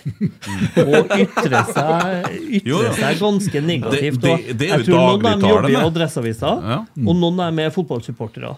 Eh, for det jeg tror kanskje har skjedd, den største endringa som har skjedd med Kjernen siden 2015, det er at fra å være en, et form for fellesskap som står ganske støtt samla, så har det blitt egentlig en ganske større overbygning overbygning som inneholder Det flere har blitt en fraksjoner. paraply, egentlig. Altså Noen er med heter Falkenkameratene og uttaler seg nå i hytt og pinne om det de tenker. Noen er UN, noen er FN. De står nå fast på sine plasser. Noen er TIFO. Ja. Jobber med, med si greie. sånn at det, Noen Øvre Øst Ungdom. altså Det er ulike fraksjoner. Så blir kjernen den overbygninga som samler det. Men samtidig så er jo alle som er inkludert, alle som er i kjernen, er jo òg under den herre vedtektsparaplyen. Der vi er mot vold, vi er mot eh, trakassering, vi er mot rasisme, vi er mot nazisme, fascisme. Vi har jo ei overbygning, et form for fellesskap. Og det jeg tror kanskje er det geniale med fotballsupportere i Norge, eller i Norden, det er at vi er upolitiske. Eh, Vi kan ha en Frp-er og en SV-er som står arm i arm og støtter laget. For det er ikke noe annet det handler om på Øvre Øst. Vi er for fotballen, vi er for å støtte laget, og det tror jeg er en ganske genial greie. Vi blander ikke inn det dette tullet som på en måte blir splittende. Men det at vi må støtte laget, og vi må slutte å syte altså, Det er vanskelig å si til en syter at han skal slutte å syte. Hva skal han gjøre da? Det finnes et godt trøndersk ord på det du leter etter. Grinete etter det ordet. Jo, Det ligger jo litt sånn, hvis du spør ja, hvordan går det med deg, nei eh, så Nei, er det starter- generelt grinete, da? Ja, men altså, når folk kommer på butikken i Trøndelag, så sier de dere har vel ikke? Altså, Nei, det, er ikke. ja, det er negativt utgangspunkt. Har ikke du det? Det liksom starter der.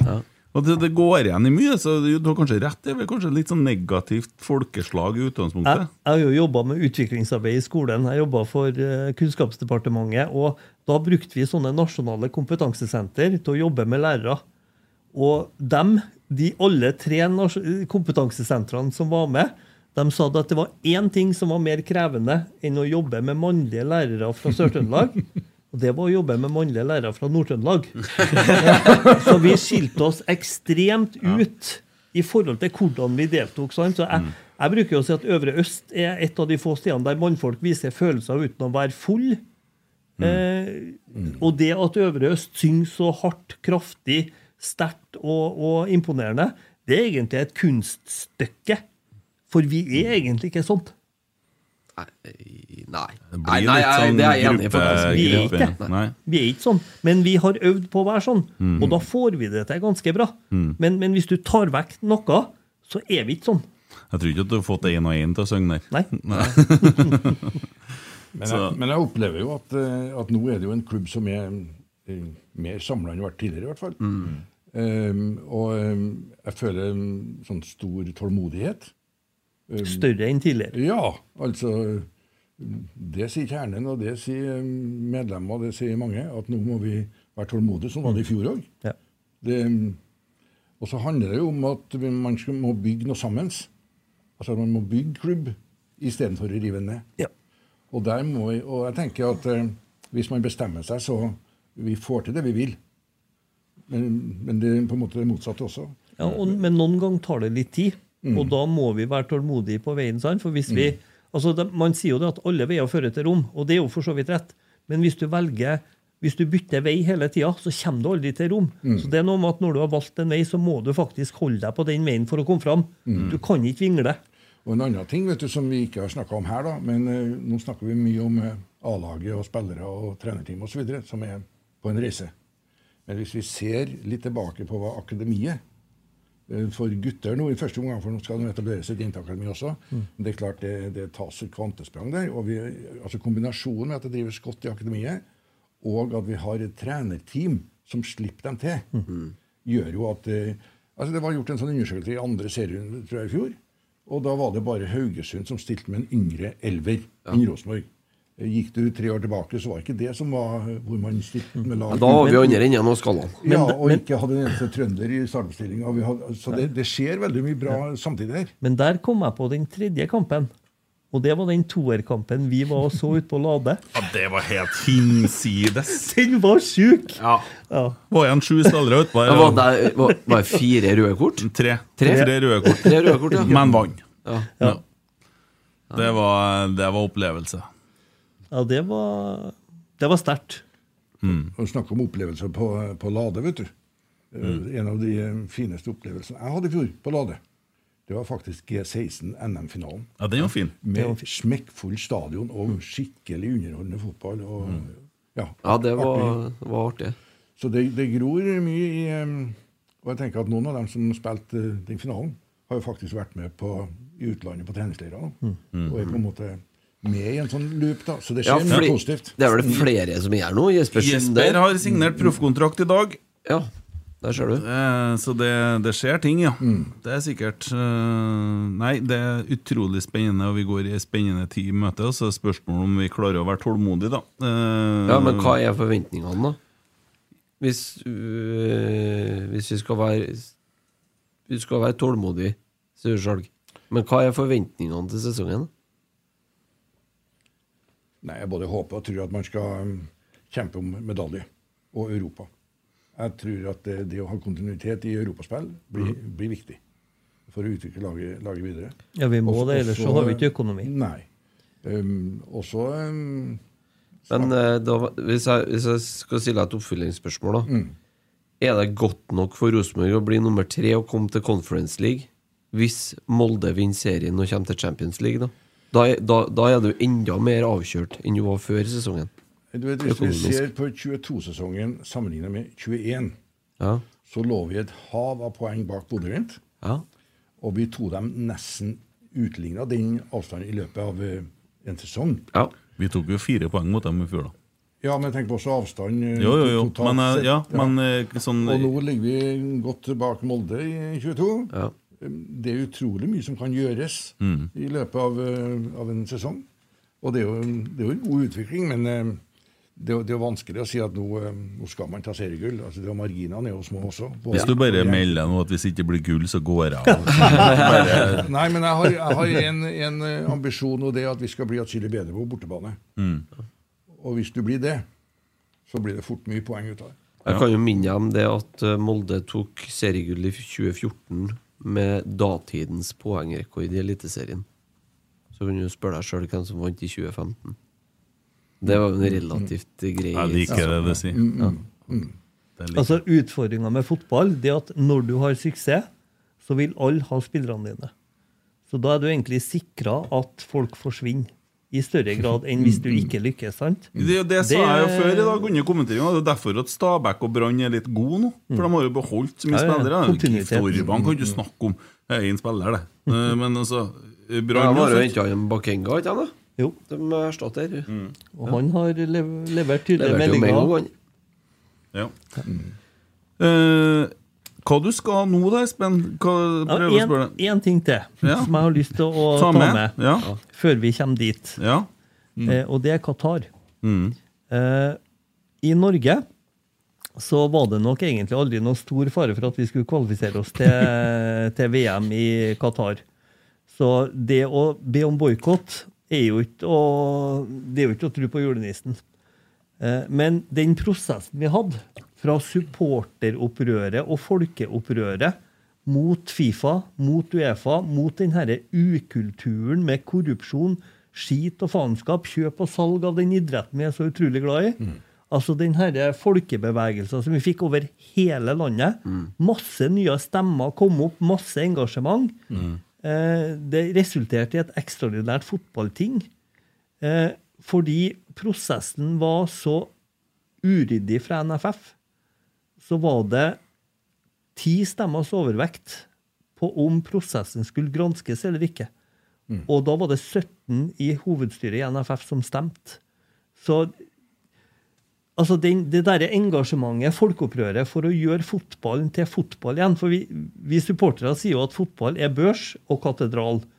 Vi vil at det skal være katedral, men vi må tåle at det er børs. For sånn er moderne fotball.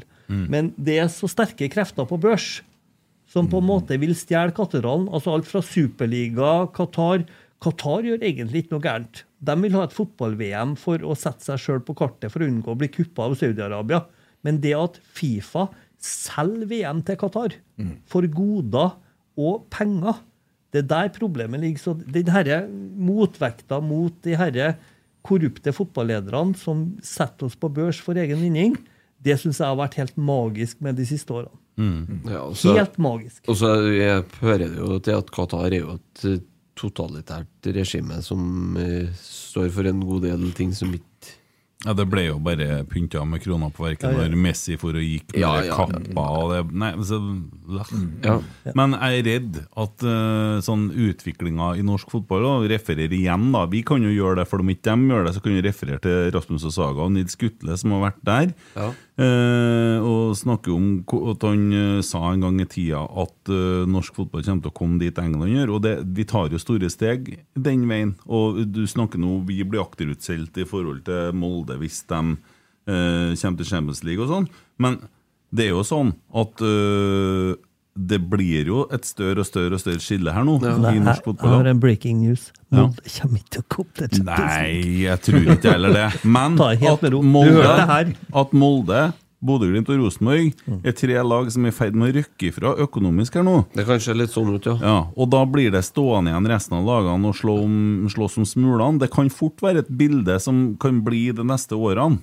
Eh, Vi må bare sørge for at vi er med på den festen, vi. Men du vet at i og med at England har solgt seg så til de grader som de har, at Frankrike holder på å selge seg Nei, har Frankrike solgt har solgt seg. til Qatar. Men altså, det er noen lag som har solgt seg i Frankrike, sant? men de prøver jo å kjøpe opp mer. Ja, de solgte Skal du se på en utenlandsk fotball, så må du se på tysk, da. For de har nå et system, i hvert fall. som det, I går var det jo faktisk en seier for fotballen, fordi at Bayern München, som er eid etter 50 pluss 1-regelen, altså 51 medlemseid, slo jo u Paris Saint-Germain, som er det verste av det verste innenfor Ja. internasjonal fotball. Men nå ligger en Jon Tore og kryper sammen. Jo, men akkurat det der er en Jon Tore glad for òg, faktisk. Ja.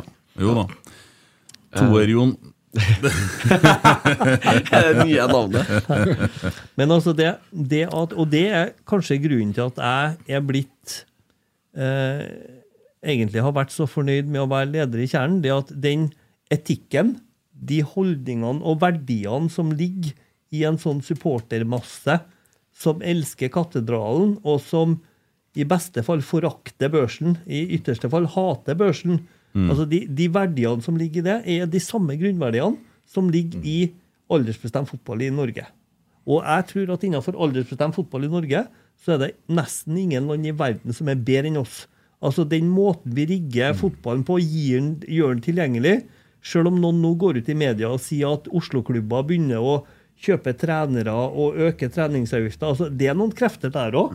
For at den her individuelle greia med at du vil ha dine unger opp og fram og betale hva det koster, det, det utfordrer det her fellesskapstanken. Og det, det kan bli et kjempeproblem over tid. Men altså det her at vi klarer å dra toppfotballen i Norge og grasrota litt nærmere hverandre på verdisida, det er kjempeviktig for fotballen. Mm.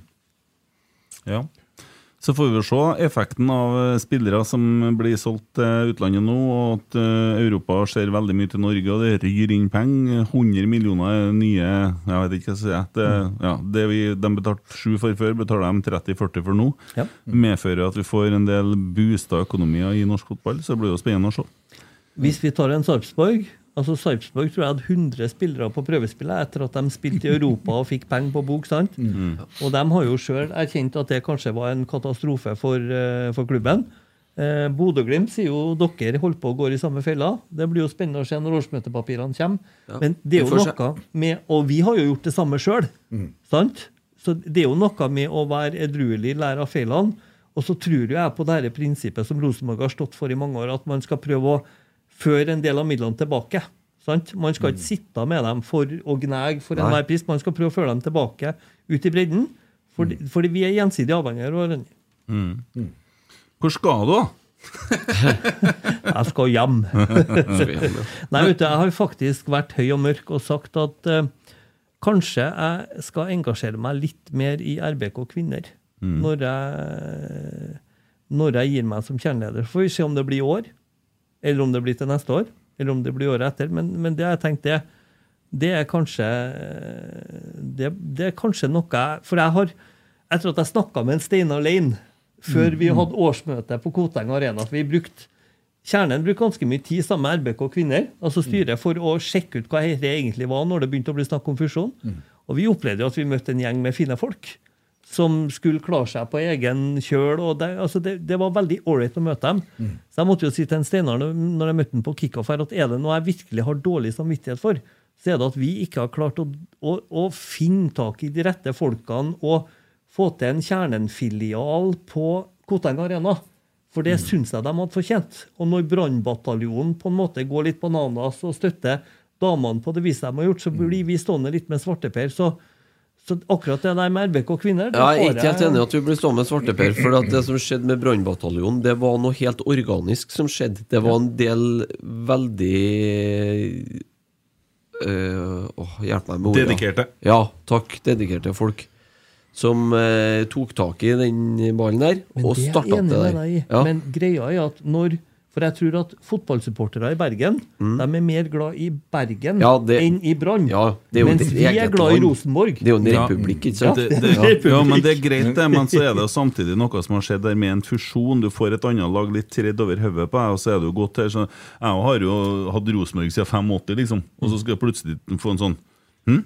Ja, men jeg har jo ikke noe jeg har jo ikke noen følelser der. Nei. Og det tar Enda. litt tid før følelsene Nei, og det enda. Mm. Og det tar litt tid før de følelsene kommer. For at, som vi snakker om, eh, vi er på Lade og ser den kampen der, så handler det ikke bare om fin fotball. Det er mye annet artig vi ser òg. Eh, vi, vi kommer til å være litt på toerkamper fortsatt, ja. Det må vi. Det er artig, det. Det må vi definitivt.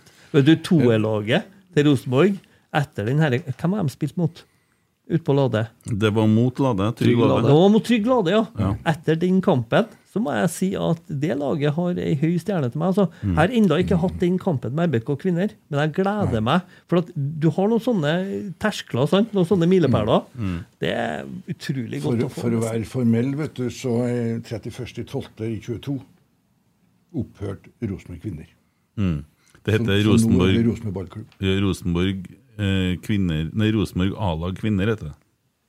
Det er det formelle klubben sier. Rosenborg A-lag herrer, Rosenborg A-lag kvinner. Men, men du vet at det, det beste man kan gjøre i å i på en måte bli glad i Rosenborg kvinner, for å kalle det det, da, det er også å gå på Koteng Arena. For der, både i fjor og i forfjor, så veldig mye kamper der. Og du vet, jeg, jeg fikk nesten litt sånn 90-tall over meg. Med brede kanter, av 4-3-3 og med hele den pakken der. Sånn at de spilte eh, underholdende. Det som jeg har savna, kanskje, det er at de har blitt mer effektive foran mål. Jeg har jo vært veldig glad i Rosenborg og kvinner, men ja.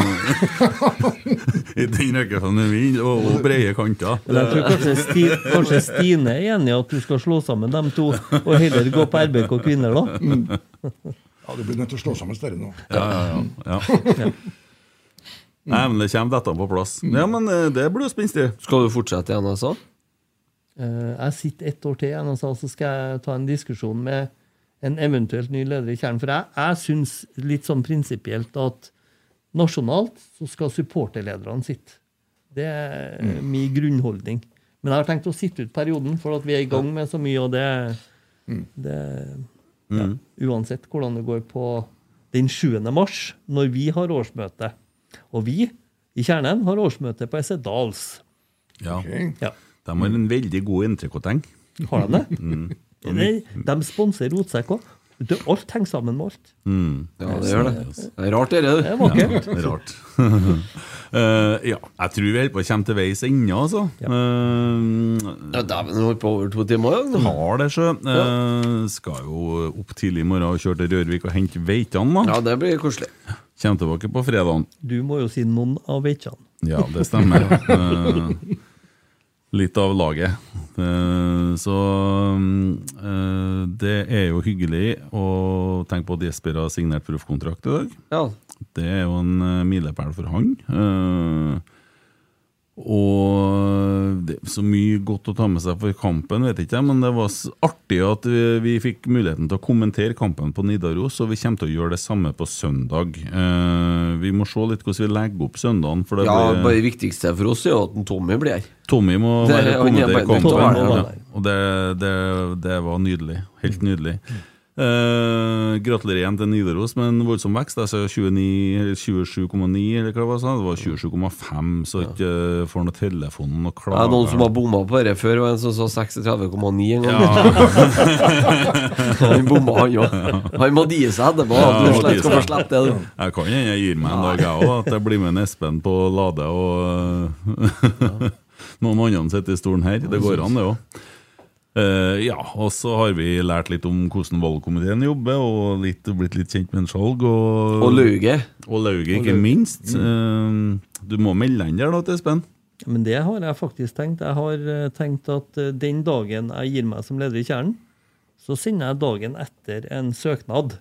En, en godt utfylt, nøye bearbeida søknad til veteranlauget og ber om opptak. Det har jeg bestemt meg for for lenge siden. Det er fint. Da blir det kaffe og vaffel, og så Kaffel heter det. Ja. Det er, det er litt artig. vet du Trygve Hernes sant? Han er jo det er en godkar, syns jeg. Og jeg og Per Ivar Det var trent litt på Impuls Lerkendal, der, og han var der vet du, fra hva var tidlig, tidlig. vet du Og servert kaffe. Han, ja. På folk der, Så trener han litt, og så sitter. Trygve satt jo som leder i veteranlaget lenge. Ja, I mange, mange år. Ja, ja. ja. Det er en kjernekar. Så Så får dere kanskje en kjernenkar. ja. Nei, men jeg tror vi avslutter der, jeg. Takk for besøket. Tusen hjertelig takk for at dere tok turen. Takk for invitasjonen. Ja. Det er faktisk veldig ålreit å være her. Jo, Og så, og så kan du jo si det her, da, for da blir det jo lagt ut eh, på lufta. Takk foreløpig for innsatsen fram til årsmøtet, i hvert fall. Så får vi se. Og så er det greit om folk kjøper sesongkort. Uh, Ja, ja, ja. Vi, vi skal klare Jeg har sagt 8000, jeg håper jo du får rett. da 9000 før, før første seriekamp. Men 8000 har liksom vært et tall som har hengt så lenge, så jeg tenkte at vi må dra på litt i år. Dra på litt. Uh, kjøp sesongkort og gi det bort til noen andre hvis ikke du liker Rosenborg sjøl. Det går an, det òg. Kjøp borteturer. Ja.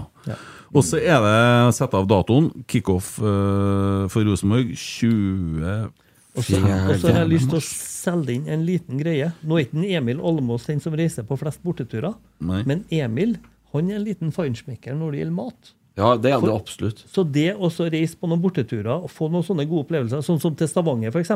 Mm. Det å få seg en tur inn altså Nå er Renå stengt på søndager, men det går an å få seg en tur innom K2, som er en helt genial restaurant i, i, eh, i Stavanger. Og den ligger ganske nært arenaen. En sånn Mm. utrolig fin greie. Michelin-guiden her nå. Og så skal Kjernen fylle uh, Koteng Arena uh, neste helg Ja. mot uh, Husker ikke jeg laget. Kristiansund. Kristiansund. Ja. Kom ut reklame. Fyll, ja, fyll Koteng Arena. Eh, det blir sikkert action, og da får vi litt uh, kjernelyd i ørene òg. Det er godt. Og fyll eh, holdt på å si fyll uh, Esedals på kjøkken 4. mars, men det har vi gjort. ja, det har vi gjort. Det blir artig. Ja. Fyll folket på Hesedals. Takk for i dag. Rotsekk.